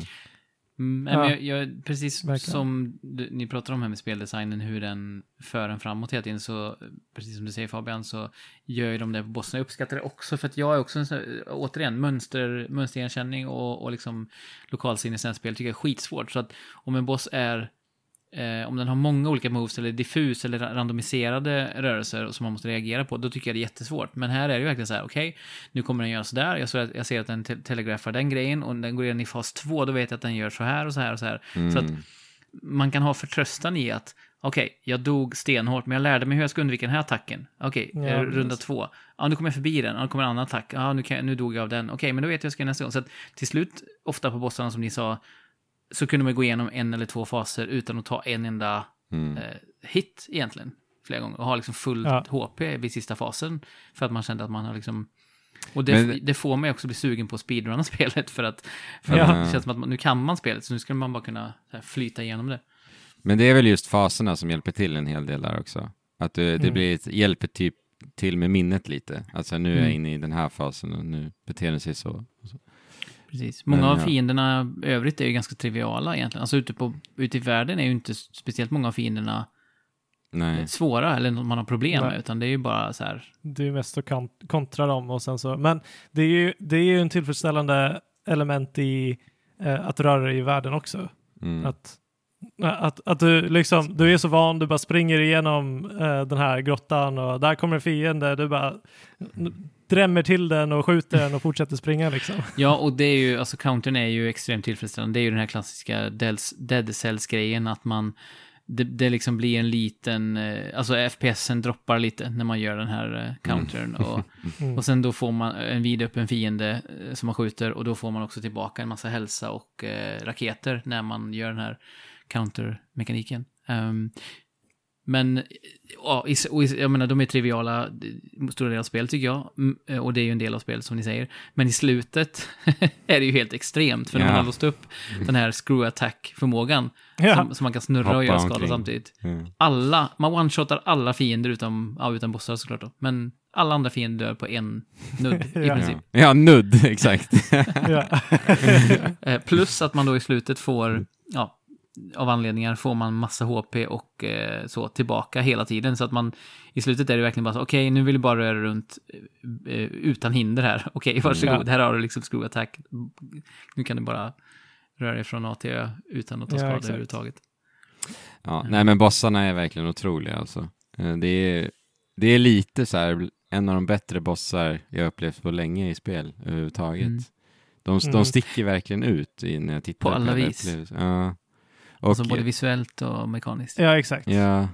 Och det, det har eh, alla delar. ja, just det här med countern också, när man får in den, att det blir ju det blir ju också lite en cinematisk belöning på något vis. Att här, man bara får Exakt. för en stund andas lite, sätta sig tillbaka och bara njuta av den här ascoola scenen som sker också. Ja, alltså det är så coolt så att man vill bara Ja. skrika ut högt. Ja, för det för att det blir, är så coolt. Det är ett sånt momentum swing också. För man är ju van Mm. vid, Ja. oj nu är bossen liksom bara belägrar mig fullständigt och sen bara, och nu är det jag som har överhanden istället. Det blir en sån himla tydlig Ja. Mm. eh, temposkifte också. ja, de är otroliga. Vilka Ja, bossar. och, och att eh, bara få alla de här förmågorna och eh, liksom bemästra dem och bemästra eh, att, mm, att använda dem sömlöst Mm. eh, hur som helst. Det är, det är bara hur Alltså, kan vi, kan vi inte bara flash shift? Alltså den är så snygg. Ja, det är alltså en, Så en, snygg, tillfredsställande och den, alltså, en ah, blink kan man säga, känns eller så en bra. dodge. Ja, alltså du en dodgar dash, liksom. genom Ja. saker. eh, Ja. Eller inte genom saker, utan det är egentligen bara en dash, ja, precis. Men, och du kan dasha, Ja, det är en dash. är det tre gånger Ja, totalt? totalt. Ja. Men då måste du göra det ganska tätt in på varandra. Mm, precis. Och jag Eh, älskar och- ljudeffekten och Samus eh, animationer. Ah, den är så snygg. Ja. Och den är ju, som, som tip, tooltipet säger också, ovärderlig på bossar. Den använder man ju konstant för att dodga Ja. undan från bossar. Konstant. Jag gillar Sen- också att man sen- kan dodga fram och tillbaka också. Det är en Ja. nice detalj. Och sen när man får, när, när man får in att eh, alla så här fingerkombinationer, att du laddar upp ett skott samtidigt Mm. som du dodgar eh, och det hoppar. blir ju lite och sen så, mycket. sen så släpper du av eh, sen så släpper du av det där laddade skottet och sen så håller du axelknapparna för att sikta eh, och, och skjuta missiler och alltså Mm. Ja. jag, jag tycker det har varit sån otroligt bra känsla i Mm. liksom hela action he, hela alla actionmoment i spelet. Men vad tycker du om den, eller vad tycker ni om den delen? Eh, för jag upplever ju, för jag håller med dig om det här Fabian, men jag upplever också att kontrollen, eh, som du var inne på Andrew, blir i vissa sekvenser ett, ett hinder, eller man snubblar på den. Alltså det är så många Mm. kommandon som man ska göra hela tiden. Alltså det är så här, man använder alla fyra axelknapparna och också ofta Ja. i kombination med varandra. Och vilken, Ja. vilken är grapple beamen och vilken är siktet och vilken är... Alltså det blir ibland lite... Du pratar med Monster Hunter, fantast nummer ett här. Nej men alltså jag, jag kan ju typ uppskatta sådana här äh, saker i spel. Att det blir lite överdrivet tekniskt faktiskt. Så det blir så tillfredsställande liksom när man, Ja, när man får... lär sig. Ja, när man lär sig. Men eh, sen kan jag ju såklart typ grapple, att göra en grapple beam, det här vet jag har eh, ja. florerat runt på internet också, men Mm. jag tror att det är när du ska göra en grapple så ska du typ ladda samtidigt eller vad det är. Ja, det är någon, Mm. någon kombination där minns jag var faktiskt kanske lite överdrivet bökig. Eh, Mm. Någon kombination, men ja. Ingenting som jag tänkte på så riktigt. Nej. Nej. Ja, men- snackade ni om att inputs eh, liksom droppades? på Nja, Discorden? Jag vet inte om jag har märkt det, men det är mer... Jag, Jag, har tyck- inte märkt det. Nej. Nej, det har jag inte märkt. Allt är ju Nej, jag ultra tight, tycker jag. Ja. Eh, precis. Då, då stryker vi den. Men eh, Ja. också så här ändå, det här är ändå ett första parts Nintendo-spel. Och eh, ja, det är inte det mest utmanande spelet som finns, men det finns ju ändå en Nej. utmaning. Och Mm. det är ändå lite förvånande faktiskt för att vara ett första parts Nintendo-spel ändå, tycker Ja, men det är ju det är ju relativt svårt ändå. Alltså, vissa av bossarna har jag ju spenderat ja, men 40 minuter på, 40-45 minuter på innan jag klarat. Det. Jag tror också tacksamt för min del att jag spelade Kena innan, för det är vissa riktigt svåra bossar, så att jag har blivit lite van vid att Mm. ha tålamod med bossar. Mm. Ehm, men absolut, det är ju oförlåtande och svårt. Jag menar också så här, men, vissa sekvenser måste man skjuta sönder en viss, eh, ett visst litet block för att komma vidare. och det Ja. vet man inte om förrän man låsa upp den här scannern och det gör man ju inte direkt. Att, Eller om du, sekvenser. om du har spelat tidigare Metroid-spel enbart, liksom, då, ja. Då Skjuter vet man på alla Ja, väggar. exakt. Ja. Jag, undrar, jag undrar hur det här spelet uppfattas av folk som inte har Ja. spelat liksom, Metroidvania eller 2D action eller Metroid tidigare. Mm. Eh, för jag menar, jag tycker att utmaningen ligger på en bra nivå. ja, Eh, jag tycker också alltså, det. de, har hittat en väldigt bra balans mellan eh, att liksom göra saker svårt, men som sagt, återigen, Mm. att det, det är relativt enkelt att lära sig och komma över de här hindren som de först bygger upp eh, att verka vara ganska höga. Liksom. Mm. Precis. Ja, men eh, bossarna är en njutning som sagt, men det är också en njutning tycker jag. Eh, dels två, två saker. Jag tänker på en förmåga, den här man har, jag vet inte vad den heter, men när man trycker ner spaken och eh, får så här supersonic speed när man, Ja. eh, Ja, man får momentum. speedboost. Speedbooster. Mm. Den är enormt härlig att bara löpa fram genom eh, eh, rummen. Och just när man löper fram genom rummen så får man också uppleva hur atmosfären är och hur den förändras i de olika biomerna. Mm. Och alltså, eh, alltså den eh, miljömässiga storytellingen i spelet är ju bara Exakt. helt Ja, fenomenal. Alltså, det det, är galet mycket detaljer i Ja. nästan varje rum precis. som man kan lägga märke till och läsa in i. precis. Och 3D-djupet ger ju så mycket liv och, och just kontext. Eh, för att jag tycker de använder 3D-djupet riktigt bra alltså. Mm. Riktigt bra. Det är lite Alltså, så här man- foreshadowing-saker som sker också lite emellanåt och sånt där. Ja, Och så exakt. rör sig lite i, man- i nästa, Ja. så här, i ett annat lager typ. Och det där är ju, Ja, det är så här, blink it and you miss it. ja, och sådana saker har ju vi tjatat om vet jag i, i den här Ja. podcasten med 2D-spel. Och Det är bara så härligt att se att de faktiskt anammar det i ett De har verkligen modernt. omfamnat det. Ja, Men första gången man kommer in till zonen där, för det är olika färdmedel också mellan zonerna och i den här är det någon slags så här eh, shuttle man åker i och så kliver man ut och det bara regnar och Mm. eh, Ah. vågorna piskar och så kommer den här vignettexten upp vad, vad eh, zonen heter. Det var bara så här, jag tog en Mm. screenshot för jag bara det här är, det här är perfektion. det är så bra det Ja. blir.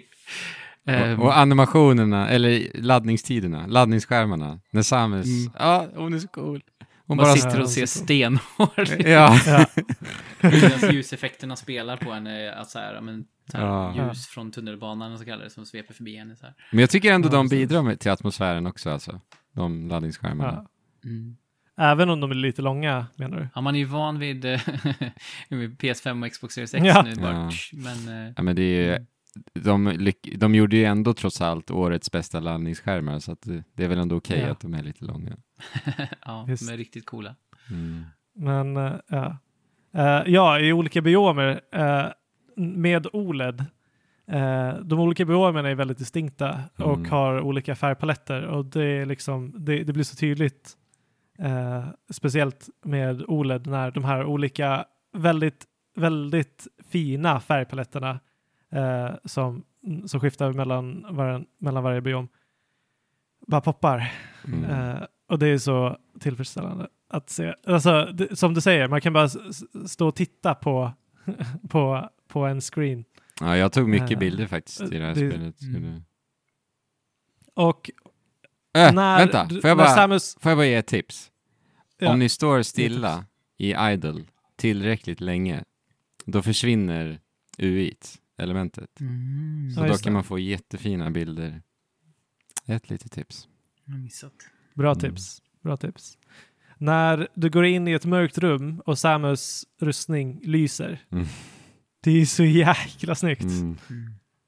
Det är jäkligt snyggt. Ja, men det, Är Men- ju, det är ju verkligen sci-fi, eh, liksom eh, sci-fi mumma på så många Ja. sätt. Det är så mycket snyggt. Alltså, designersen är ju grymma. Eh, Alltså hennes dräkt och den, för, den Ja. förändras ju också över tid. Över hela spelet. Man får olika, låser upp olika dräktförmågor och så. Och Mm. alla iterationer av dem är liksom bara så här. Man kan titta återigen på alla detaljer och bara sen Ja. njuta av eh, så sci-fi. Ja, men art directionen är verkligen otrolig. Alltså för att vi måste, vi måste ändå också poängtera lite att det är ju, det är ju fortfarande det här liksom Nintendo-stilistiska i det här. Att det, Ja. det är ju som ni säger jättemycket färg också. Eh, Så att de har verkligen hittat någonting så jäkla träffsäkert Och- med den tycker jag. Ja. Och vet ni vad som är väldigt uppfriskande eh, i, i den här kontexten? Det är att det här Mercury Steam är en spansk studio. Mm. Det är inte ofta vi ser eh, europeer, speciellt inte liksom sydeuropeiska spel med den här kvaliteten. Nej. Eh, på allt, liksom, från game design till art direction och, och level design. och så. Ljuddesign. Det, är, ja. det är underbart. Det är underbart att säga att eh, liksom, me, fler delar än Japan är på väg eh, åt det hållet. Är det här tidernas största hopp i kvalitet i spelvärlden? Alltså från, jag tänker nu, Samus Returns var väl deras Du var senaste- den enda som spelade det tror jag. Ja, sen får vi det här. Alltså vad hände, vad hände däremellan liksom? Ja. Ja. Ja, men det, det finns, eh, som sagt, det är, liksom späckat med, eh, liksom delar som bara... Mm. Mm. Och, så, Mm. men, och vi kanske kommer in... jag vet inte om det här är spoilerdelen nu, eller om vi kommer till den snart. Men för berättelsen är ju någonting man Ja. kan tycka en hel del om i alla fall. Eh, man kan tycka att den är Ja. jättebra, tror jag. Men man kan också Mm. tycka Man- att det är... Det Man, man, man, kan väl, man kan väl framförallt tycka att den är ganska, ganska obefintlig, i alla fall i sin explicita form. För vad får vi? Typ så här 15 minuter story totalt. Ja. Ja, genom fast det är också så här, i typ första halvan av spelet är det ingenting. Eller jo, man får ju reda på lite grejer via sin dat skeppsdator. Eh, men sen efter drygt halva spelet så träffar man ju på... Ja, Eh, men ska vi gå in i Ja, spoiler-territorium nu jag tror när vi pratar om, Men vi kan- om storyn? Ska vi försöka liksom summera på något sätt innan kanske? För de som Ja, inte vill lyssna på det. nej men eh, det kan vi göra. Och jag kan ju bara säga att som sagt, jag hade, eh, jag, jag hade mina doubts att, att det här spelet skulle kunna liksom leva upp till legenden som ändå är Metroid. Och jag är eh, inte besviken, utan Mm. tvärtom, jag är, jag är förvånad över hur väl Mercury Steam har, har förvaltat den här, den här spelserien till, till den här delen. Mm. Det är väl det. Ja, jag är också, de har verkligen överbevisat sig själva alltså. Eh, jag spelade ju Samus Returns och kom ut ur det väldigt, väldigt ljummen. Det var liksom Mm, bra, men det var alltså otroligt inte minnesvärt eh, alls liksom så. Eh, så att få det här nu. Jag var ju skeptisk fram till dagen jag startade spelet och berättade där vilken ren start det var. men eh, mm. men verkligen överbevis, alltså riktigt, riktigt solitt spel. Ehm, men sen är det ju fortfarande lite det här vi har varit inne på, det gnager ju lite i mig att jag kanske strider lite eh, med känslan om att jag kanske ville lista ut saker själv lite mera. Även om den här handen var osynlig. Så. Eh, och, men till slut, som ni var inne på också, jag vet inte om det var du som sa det Jesper, att så här, till slut insåg jag att det bara var att låtas guidas. Och då upplevde jag att spelet blev mer njutbart. njutbart. Eh, så att liksom i stunden när jag spelade spelet så rycktes jag med och tyckte det var fantastiskt. Men i efterhand, liksom, när jag tänker på det och börjar analysera, Ja, visst då kanske det finns saker som jag saknar i liksom Metroid-upplevelsen och vad som är synonymt för mig med ett Metroid-spel. Så. Eller ja, Metroidvania, grejs i mojs. Mm. Ja, men jag njöt väldigt mycket av miljöerna och jag tyckte att det spelet hade en perfekt längd. Och sen som sagt har jag liksom noll shame för att jag så här, okej, okay, jag kollar upp lite saker för att få en, en lite bekvämare resa, eh, för att njuta av spektaklet. Uh, jag är glad att jag gjorde det. Um, mm. Medan vi spelar in här faktiskt så ser vi en diskussion om detta på, på vår Discord om eh, just Hollow Knight som flera av våra Discord-användare är in, involverade i. Mm. Um, om, att, om man ska kolla upp saker i Metroidvania-spel eller inte. Eh, om det liksom är att förstöra sin egen upplevelse eller inte. Så det finns ju uppenbarligen mm. olika åsikter om. Ja, men nej, det beror, men, väl, eh, beror väl lite på vad man vill få ut. Alltså jag kan väl tänka ja. mig att folk spelar Metroidvania av olika anledningar också. För det finns ju ändå mm. så mycket element i dem. Eh, både som eh, Fabian är mycket inne på, som han tycker om mycket här, är just actionbiten och så vidare. Exakt. Mm. Eh, och det tycker jag också jo, men... om jättemycket. Men jag, som sagt, sen har vi den här utforskardelen och eh, värld breddar ut sig. Sen liksom om vi tittar på Metroidvania-spel överlag, hur de har utvecklats, så är ju många Metroidvania-spel också eh, jättemycket utav RPG-spel idag. Liksom. Och mm. Du ska gå upp i level och du ska shoppa på det och utveckla din karaktär, skräddarsy ja. den. Alltså det, det är så mycket ja, det... i genren ändå. Alltså.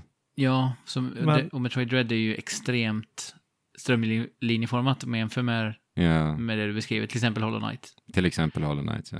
Ja, exakt. Alltså Hollow Knight har ju fantastisk utforskande som ja. mm. liksom Metroid Dread in, inte ens har. Nej. Men av den anledningen så kanske liksom Metroid Dread är kanske inte ett Metroidvania. Nej, men det är ju ett Metroid. Riktigt. Ja, det är ett Metroid, ja. men, eh, men det är action. det är mer mm. action mm. än vad det är är eh, liksom standard Metroid. Så det kanske man inte ska förvänta sig när man går Vad, in, vad är motsvarigheten då till Castlevania fast det är action? Är det, är det ett Metroid Man då? Metroid Man? Metroid Mega Man. Mega Metroid. Ja, just det. kanske. Mm. Ja. Kanske lite. Ja, för att man får ju, man får ju uh, förmågor av bossarna också. Så att, Exakt. Mm, precis. Det, man kan dock inte välja Det är Mega Metroid Man. Mm. Ja, nej, men bra. Vi, vi har knutit ihop den säcken lite och så öppnar vi upp den här andra säcken som står här bredvid som det står story eh, och karaktärer spoiler. på. Eh, och det står också en stor röd etikett, eh, spoiler alert. Så att om man, är, om man inte vill höra spoilers om storyn eller så, specifika detaljer i Metroid Dread så får man en fin liten glad vink nu och så är man välkommen tillbaka i nästa avsnitt i så fall. Eller i slutet om man vill yeah. höra oss säga hej då. Får man också spola fram lite. Eller så kan vi säga snabbt hej då nu. Ja. Hej då! Hej då till spoilerkänsliga Metroid-lyssnare. Vi har ju, ja. som sagt, eh, två tredjedelar inom spelet, eller ja, drygt halva i alla fall, så kommer man eh, plötsligt in i ett rum där man träffar en annan showso. Eh, ja. Eh, tysta kappan. Eh, som, som, som berättar för en att anledningen till att de här emmisarna håller på att jaga henne är för att de ska extrahera ens eh, Metroid-DNA som man ju har i kroppen. För mm. att den här första show som man träffade på, som slog ner den, eh, ska eh, skapa en, ett biologiskt vapen med hjälp av Metroid-DNA. Mm. Ja. Ehm, och eh, ja, Tysta Rocken säger detta och sen blir han då dödad. Blir han dödad av Choso um, Soldier. Robot, Choso Soldier. Ja, just det. Ja, precis. Det är de här bossarna som man träffar på ett antal gånger. Ja. Ja. Ganska bökig boss tyckte jag, första gången faktiskt. Ja, ja precis. första gångerna. Sant. Men det är inte, för det är inte Korpneb himself som kommer, ner, kommer och dödar Nej. Tysta Rocken, utan det är eh, de här robotsoldaterna. Tysta Rocken, Korpneb. Ja. Ja, konstigt. Då, konstigt att de har korpar på Shosahem-planeten. ja. Men designen på de här um, Mm. är ju häftig. Alltså den är ju... Mm. mm, Den är mystisk och lite så här läskig. Um, Mm. Fantastiskt bra. Speciellt, Majestätisk. alltså, liksom. speciellt, mm. exakt. Speciellt med tanke på eh, liksom statusen som Shosa har haft genom hela Metroid-serien. Att Mm. Det är den här mystiska rasen som man inte vet så mycket om. Men vi vet att Samus eh, växte upp bland Shosos. Men i spelen så tror jag att vi liksom aldrig har träffat på en Nej. Nej. Man har, man har träffat på typ Shoso-spöken i Metroid Prime 2 eller vad det är. Mm. Eh, och, men så att här får vi reda på, som du säger, att eh, de här, den här Ravenbeak har opererat väldigt aggressivt till och med under alla spel. Mm. Så att, så att för mig blev det, blev det en ganska konstig så här krasch. Att så här, jaha, okej, så att de har bara varit här och de har liksom planerat för ett storskaligt krig men ingen har märkt någonting. Eh, och liksom de var på planeten som Samus åkte till i Metroid 2. Eh, men bara det att eh, de åkte därifrån av någon anledning så att, så att precis när Samus åkte dit och dödade alla Metroids på den planeten och precis när, de, när hon åkte ifrån så bara kommer de tillbaka dit med en hel armé typ. Och bara, Man blir lite eh, så här. Uh, wait, de bara, va? Nu, nu, vad händer Ja. nu? Nu är alla, är, Var- alla, är alla döda nu? Ja.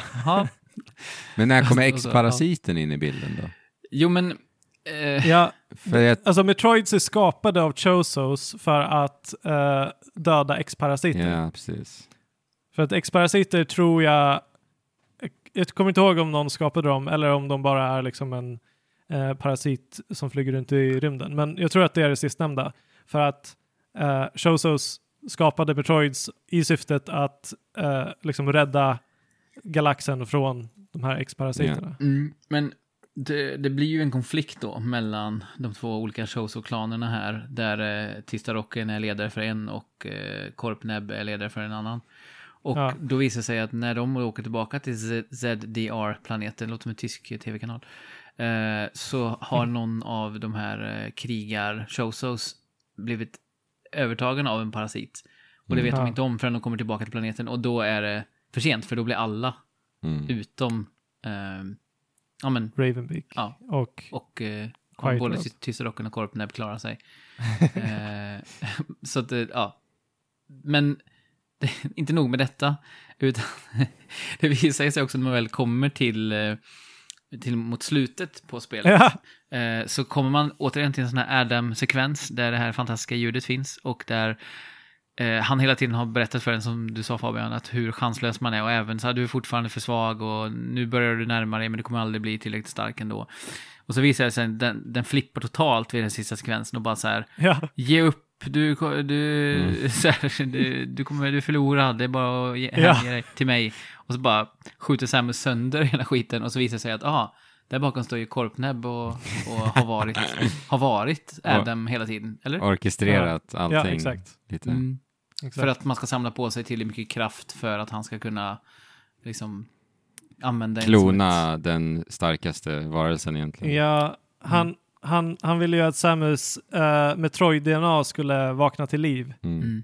Eh, så, och därav så, så var hon tvungen att gå igenom allt det här. Och det, det märker vi ju eh, innan sista bossstriden att hon, hon börjar få den här kraften att eh, ta någon annans, en annan livsforms livskraft helt enkelt. Som Mm. Metroids gör då. Eh, Ja. Som Metroids gör, exakt. Precis. Som kommer från hennes Metroid-DNA. Mm. I sann, sann god pappa-anda, som ju detta Ja. är, så har han alltså manipulerat. Men har vi könet på Korpnäbben?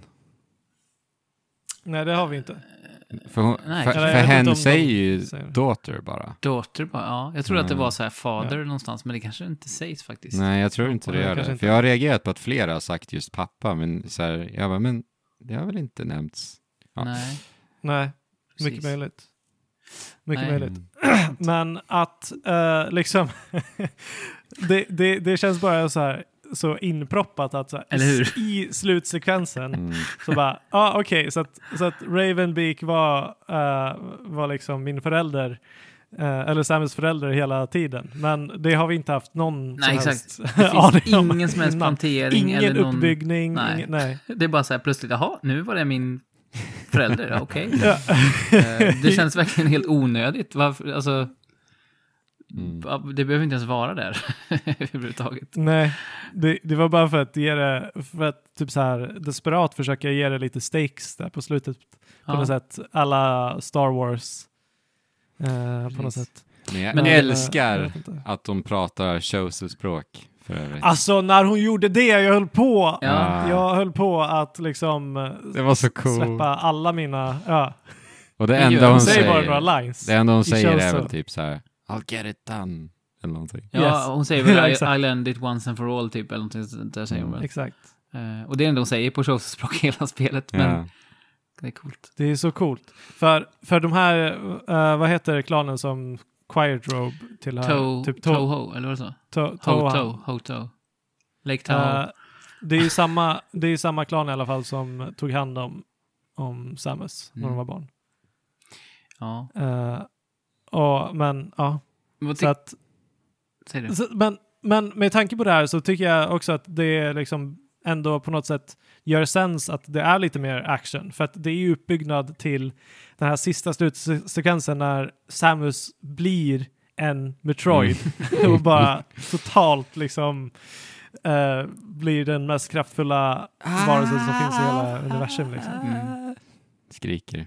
Eh, det var jäkligt, jäkligt coolt framat. Ja, alltså och det, det sker ju genom att, eh, för, för den här sista bossen har de ju lyckats bygga upp ganska bra, även om det har varit lite on the nose. Men som sagt, det jag sa förut med on the nose var ju för att man skulle, alltså det fanns ju ett syfte med att han hela tiden eh, bäsade den och sa hela tiden att ah, men du är inte stark nog, du är inte stark nog, för att det var liksom han, eller den. Ja.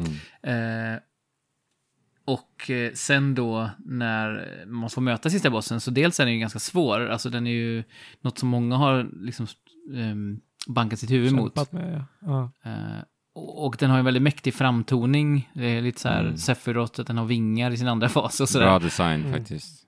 Mm. Återigen. Men vad tyckte ni om, om vi stannar lite där bara på, på bossen, alltså sista Korpnebs eh, moveset Alltså- och eh, som boss betraktat? Alltså i slutändan så var det ju samma sak där som alla andra bossar, Mm. bara kanske att eh, första, den initiala i alla fall, eh, illusionen av utmaning var ganska mycket högre än, Mm. än samtliga andra bossar. Men, men liksom när jag klarar det så klarar jag i princip, eh, nej, eh, den har tre faser, så att den sista fasen så när jag klarade det så hade jag inget liv kvar, men eh, då blev de två första faserna klarade jag liksom nästan utan att ta någon skada överhuvudtaget. Ja, för att eh, jag tyckte... Eh, för att men- man lär sig ju liksom ganska, det är ganska tydliga eh, Mm. saker man måste göra. Men jag tycker att det du måste göra för att kontra varje attack är s- så pass varierande att liksom hela fighten Ja, precis. blir väldigt rolig. Verkligen. Jag, jag utnyttjade den här stor, Storm Missile väldigt mycket på den här bossen. Ja, Det kändes näst, Vi- nästan lite eh, över Vilken var det? Alltså lock-on Ja. lock effekten För det handlar ju- Är det upp till fyra missiler samtidigt eller? Ja, fyra eller fem eller vad det är. Men Mm. för den handlar ju väldigt mycket om att vara röra på sig väldigt, väldigt mycket. Eh, Och i och med Ja, att du gör ja. det, men om du håller in den här Storm Missile så får du liksom in lite lock-ons lite då och då i alla rörelser. Och sen kunde du liksom Ja. drämma av dem och så. Det var typ min taktik jag hittade. Eh, Hur gjorde ni med kuberna, eller de här bollarna? För jag använde, jag hade samlat på mig tio sådana här megabombs eller vad det var. Så jag kunde ju bara, varje gång det kom upp sån här, en sån här... eh, Menar du den orangea eller den, de lila? Svartlila? För det är en, Eh, en stor svarta orange hålen. i slutet ju. Ja, precis. Eh, Var det inte guldig, den sista? I sista fasen? En O- Ja. OLED-visa Och- orange. Ja, precis. Ja, men, eh, den, eh, och då, då kan man spränga bort den liksom, väldigt lätt genom att använda den här eh, screenwipande bomben. Okej, ja, det visste jag inte. Så den var väldigt enkel då. Ja, för det var ju det som gjorde den fasen ganska s- ja bökig. precis. För den följer efter en liksom hela tiden. Och, Nej, men den som följer efter dig, Den är ju den, lila. Eh, den behöver ju bara Skjuta eh, missiler drämma på. av tre eller fyra missiler. fyra, ja, precis. Ja. Mm. Men den gula Eh. följer efter den också, eller det kanske bara studsar runt på... Nej, den är den gula statisk. s- är den. S- sitter bara där uppe och skickar ut uh, Jaha, energipulser typ puls. som Mm. man måste akta sig Mm. för. Just det. Ja, men, men, men den är bra uppbyggd och sen också som sagt det som när Samus blir Super Metroid Ja. är ju när hon är på väg att dö. För att han bara Ja. så här, ja, tror du skulle kunna spöa mig, haha, och så bara kväver han henne liksom med Darth Vader-style, fast han gör det fysiskt med handen. Ehm, och då bara, när hon är på väg på, på liksom dödens rand så sn- snappar hon och blir Metroid och bara ja, då, man har ju varit OP innan den här sista bossen, men då får hon den här super ultra beamen som man bara kan hålla inne konstant, bara smälta väggar och allting. Ja. Och som en annan eh, Master Chief fly från en liksom sönderfallande Mm. planet. Eh, ja, exakt. Ja, och den här, den här lilla sekvensen när det verkar som att vi ska få ännu en bossfight. mm, Men hon är så stark så att hon bara så här... Ja, och jag gillar hur de, eh, liksom, lite bildspråket och så här, eh, att det är liksom från första persons vy, Ja. hur den här monstret, man hör bara i ljuddesignen att monstret så här vecklar ut sig, och sen ser man, Och och då tror, tänker Och- man så oh shit, nu händer det. Ja. Men sen bara drämmer iväg den här strålen bara. Men, men grejen är, den bossen var ganska, alltså den ser ganska bra designad ut, den är skräckinjagande. Mm. Så här, det skulle lika gärna kunna vara en boss, men de bara så här, Och- de blåser bort den. Och den gör ju till och med ett sånt här boss-roar, skrik, innan också. Ja. Mm. Så nu är det dags liksom. Men nej. Men, det, men å andra sidan så sätter det ett jäkligt starkt statement till vad liksom Samus Ja. har blivit. ja, exakt. Det är ju Ja. så här, hon bara, okej, ja, det är en Emmy, Emmy Deluxe-scen där hon bara smälter bort den här enorma masken eller vad det är för någonting med sin stråle Ja. och bara här Korpmask. liksom. Mm. Mm. Ja, och sen Ja, så, så är, är hon liksom på väg att förgås i sin metroidighet, men om, på något magiskt vis och lite läskigt så dyker, när hon är i sitt skepp igen, så dyker då tysta, tysta kappan upp eh, bakom henne och bara så här, äh, här får du en X-parasit, så det är lugnt. Mm. så blir hon bara Samus igen. Men det, det som händer, alltså eh, Metroid och X-parasiter, de är lite så här... eh, Counterparts. Ja. Exakt, counterpart. Så att, ehm, så att vad Tysta, ro Tysta rocken eller Tysta kappan lyckades göra eh, var att han lyckades behålla, med, eller hen, lyckades behålla medvetandet Trots när X-parasiten. Mm. infekterade eh, hen. Så Mm. att eh, då, då, insåg, då, då insåg han ju att ehm, så här, okej, nu håller Samus på att liksom, döda sig själv. Så att jag, jag sacrificear mig själv för, för att eh, Samus ska kunna ta sig härifrån. Det var väl fint Mm. ändå. Den där... Det är ju fint, men också ganska dåligt kommunicerat. För att där i stunden så är man lite så här, okej, vänta, vad händer? Mm. Eh, okej, alright. Ja. Ja, för det är ju som ett spöke som bara uppstår Ja. bakom en och bara okej, nu är jag död. Så bara nähä. Det var, Ja. en, det var en snäll handling, visar det sig. Mm. Eh, ja, Eh, storyn men, eh, gick så- bananas. Tycker jag verkligen. Jag vet inte, det kändes som att de tappade, tappade fattningen i storyn till sist. Ja, men vad ska hända nu liksom? Mm. Eh, Det är ju frågan. Var, var, tar, var tar, tar de det härifrån? Ja, vad tror du, hoppas ni? Jag vet tusan. Alltså, Samus kommer ju förlora alla sina krafter igen. Mm. Men det är ju Men Metro Prime hon- 4 vi har härnäst. Ehm, och det utspelar ju sig troligen inte här. eh, Nej, efter det lär ju vara, det lär ju vara eh, innan Fusion. Ja, jag kommer inte ihåg när Tri- Prime-trilogin utspelar sig, men jag för mig att det är innan Super. Men jag kommer inte ihåg exakt. Ja, det, nej, men det är nog innan, innan Super är nog alla eh, Prime. Mm. Ja, vi får Men ja, det är i alla fall, Prime, Prime-serien är långt innan det här spelet i alla fall. Mm. Så, men det vore, ju, det vore ju coolt att liksom köra som MUTANT Samus som har eh, liksom DNA från två människor, från två shows, från Metroid och eh, X-Parasit. X-Parasit DNA. Mm. så att... Ba- eh, bara de inte gör supertropen, eh, Samus blir så här eh, onda drottningen eh, Ja, så det- sätter sig fast i en, eh, i typ en planet och blir härskarinna. Mm. Eh, hoppas jag inte. Nej, nej, men jag tror, jag tror att de kommer kunna hitta någonting, alltså gå Marvel-vägen och bara hitta någonting som är ännu mer eh, avgörande, någonting ännu större. Mm. Det här Men, tredje eh, hotet som vi inte vetat om förut. En annan utomjordisk varelse. Pikmins tar över allt. Ja, men grejen, är, grejen med den här serien är att det är väldigt lite som är uttalat.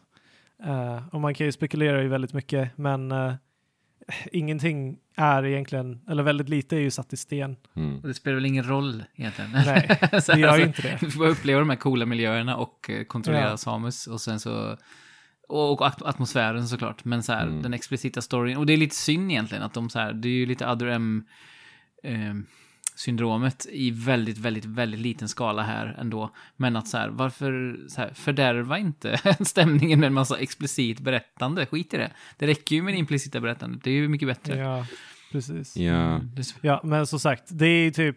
det är inte mycket. Det kan ju inte varit egentligen. mer än 15 minuter story i hela spelet. Och sen typ, jag, jag gillar ändå scenen med Quiet Robe ganska mycket alltså. Eh, Ja. Faktiskt. För att eh, jag tänker också just på hur eh, Samus är porträtterad i spelet i övrigt. Eh, utanför den här just eh, mellansekvensen. Eh, så är ju hon som sagt eh, alltid på sin vakt liksom. Och hon vet att det är faror som lurar runt varenda jädra hörn. Och hon vet Mm, vad som ja. krävs liksom, för att eh, göra sig av med det. Men i den här scenen, så fort hon ser Quiet Robe, så typ hennes axlar så sjunker ihop och hon bara sätter Mm. sig i någon pose där hon ser avslappnad ut. Och det, Mm. det var oväntat eh, kraftfullt tyckte jag. Alltså Ja. bara i hennes kroppsspråk, vilken stämning. Eh, som, eller hur stämningen skiftades genast så fort det, Mm. bara hennes animationer liksom, som sa det. Ja, Okej, och, men, men, mm, det är ju sånt som är talande, Ja. i sån, sån typ av berättande. ja, Jag men- menar, hon har inte sett en so Shosa på flera decennier eller något. Mm. Eller jag vet inte, hon, hur gammal är Samus? Hon kanske bara är typ 18. I sant, Mm. ja. japanmanér. Ja. Men Men det, Eh. det hade kanske räckt att bara strippa ut hela pappadelen, eller föräldradelen. Ja. Så kanske det hade Ja. löst hela liksom, den känslan jag har av att det känns som att de bara så här. Ja, Mm. vi, vi måste ha in någonting här. Och så bara kom de på något. Det känns, det känns Ja. väldigt malplacerat tycker jag, den, den delen. ja, det, det gör det verkligen. Eh, Eh, Men, det gör det verkligen. Ja. Men som sagt, alltså, uh, stor, storyn lämnar en del att önska, eller eh, det kanske är som, som uh, ni säger, det skulle kunna vara mindre av den för att det är inte det Metroid är och det är inte det som gör det här spelet bra. Uh, även om, även om liksom, som den här Quiet Robe-scenen säger väldigt mycket och var jäkligt cool och vä- väldigt talande. Den, den kunde de ha kvar i vilket fall. Uh, så det, det är atmosfären och utforskandet och Mm. eh, att bara kontrollera Samus som Mm. står i fokus ändå. Ja, men ge oss ett dystopi, fler dystopiska miljöer eh, i eh, nästa Metroid-spel. Jag frågade er vad, jag, vad ni önskade, men alltså de, de, de där smakproven man får av, som sagt, det, det är regnigt och det är eh, piskande hav och Mm. neonlampor i bakgrunden. Alltså, gå all in på den estetiken, eh, skulle jag säga. Eller gå i alla fall part, part way into den estetiken, för att jag tycker att den är så sjukt läcker. Den här. Och det är väl, det är väl blandning mellan det organiska och det elektroniska Exakt. såklart, som är Mm. som är grejen. Men kanske luta in i det ännu, ännu mer. Mm. Ja, Ja, men kul alltså. Mm. Jag är riktigt, riktigt nöjd med det här spelet överlag. Vilken spelhöst detta är. Mm. ja det är galet. Får, får jag fråga er så här, då? är det här något spel ni tror att ni kommer peta in på någon liksom årets spelsummering? Ehm, jag har inte räknat eh, faktiskt. Okej. Eventuellt. Ja, jo men det, om, man, om man tänker sig fem spel till exempel. Bara Ja. som en, en, en jag vill säga jämn siffra, det är det inte, men en, Det är alltså- som brukar. När jag tittar på min lista, det börjar bli, det är en strid alltså. Det är ja men precis, det är, det är tajt. Det är ett bra, Nej, men jag, mycket bra. För mig, är det- ja, det är det ju. Mm. Men för mig är det här med Nice. på den listan hittills. Mm. Eh, Och eh, jag tror att den har god chans att Ja, det är kravla sig ända verkligen. fram. Mm. verkligen. Vi får väl se. Vad har vi för spel här framöver att Det är inte jättemycket Super- kvar va? Super Mario Party, men det heter inte det. Det heter Mario Party Superstars. Mm. Sen är Halo vi- Infinite kom ju 8 december här. Mm. Det blir ju det. skoj. Och testa. Ja, Du skaffar en eh, Xbox till dess då. Ja. Forza Horizon 5 ska bli kul att testa. Jajamän. Ja. Mm. Nej, men... Eh, Ja, men det får framtiden utvisa helt enkelt Mm. vad eh, om, om Metroid Dread. Men alltså, jag menar, ett år, ett vanligt år så hade ju det här säkert definitivt fått plats på en, på en eh, Vad menar du med det Fabian? att många år är det inte jättesvårt att välja Goti-spel. Det här året kommer bli lite svårt att välja Ja. Goti-spel. alltså vissa år har ju varit det på senaste tycker jag. Ganska svårt. Men ja. Al- Alltså förra året var det ju extremt enkelt. Ja, förra året var faktiskt-. Enkelt. Ja. Eh, Men i år, det, det går vartannat år för mig. Jag, jag har märkt det, ungefär vartannat år hittar jag ett spel som jag bara känner så här. Det här är livet, det är Alltså, det bästa någonsin. 2018 var ju det sjukaste. God of War, Celeste, Hollow Knight, Monster Hunter World. Alltså det var så här bara. Mm. Ja, det, Ja, men det, precis. Det året var det Celeste och förra året var det Hades. Och det här året har jag inget riktigt sånt. Men, men till skillnad från 2020 så eh, finns det däremot flera tydliga toppkandidater. Mm. Eller vänta nu. alltså, Nej, från 20... När var det? När, när, när släpptes um, uh, Wattam? Var det 20, Det måste ha varit året innan va, till och med. 2019? Ja, Mm. slutet va. Mm, precis, vartannat år. Jo. Eh, nej, det stämmer inte. Nevermind. Jag har tappat bort mig i mina Metroidvania-rum här. Ja, men eh, det har i alla fall varit ett eh, fantastiskt plattformsår. Ja, detta år. eller hur. Och Så Metroid, in i bomben alltså. Metroid Dread är ju också fantastiskt plattformande. Mm, Eh, så verkligen. Mm. Härligt, men ehm, gå med i vår Discord om ni vill prata om Metroid och annat mysigt. Jag tycker vi faktiskt får ta oss i kragen snart och eh, planera in en ehm, Ja. ett Trekraften on-LAN, digitalt LAN, eh, som vi gjorde förra året också. Eh, så, så hoppa in i, i Discorden så kommer ni få ta del av det. Det kan jag lova är extremt mysigt. Ehm, men eh, ja, har vi några avslutande ord för, eh, för det, här, det här avsnittet innan vi är tillbaka inom en okänd men snar framtid? Nej. det skulle väl vara typ spela på Mm. och Chip. Fulla.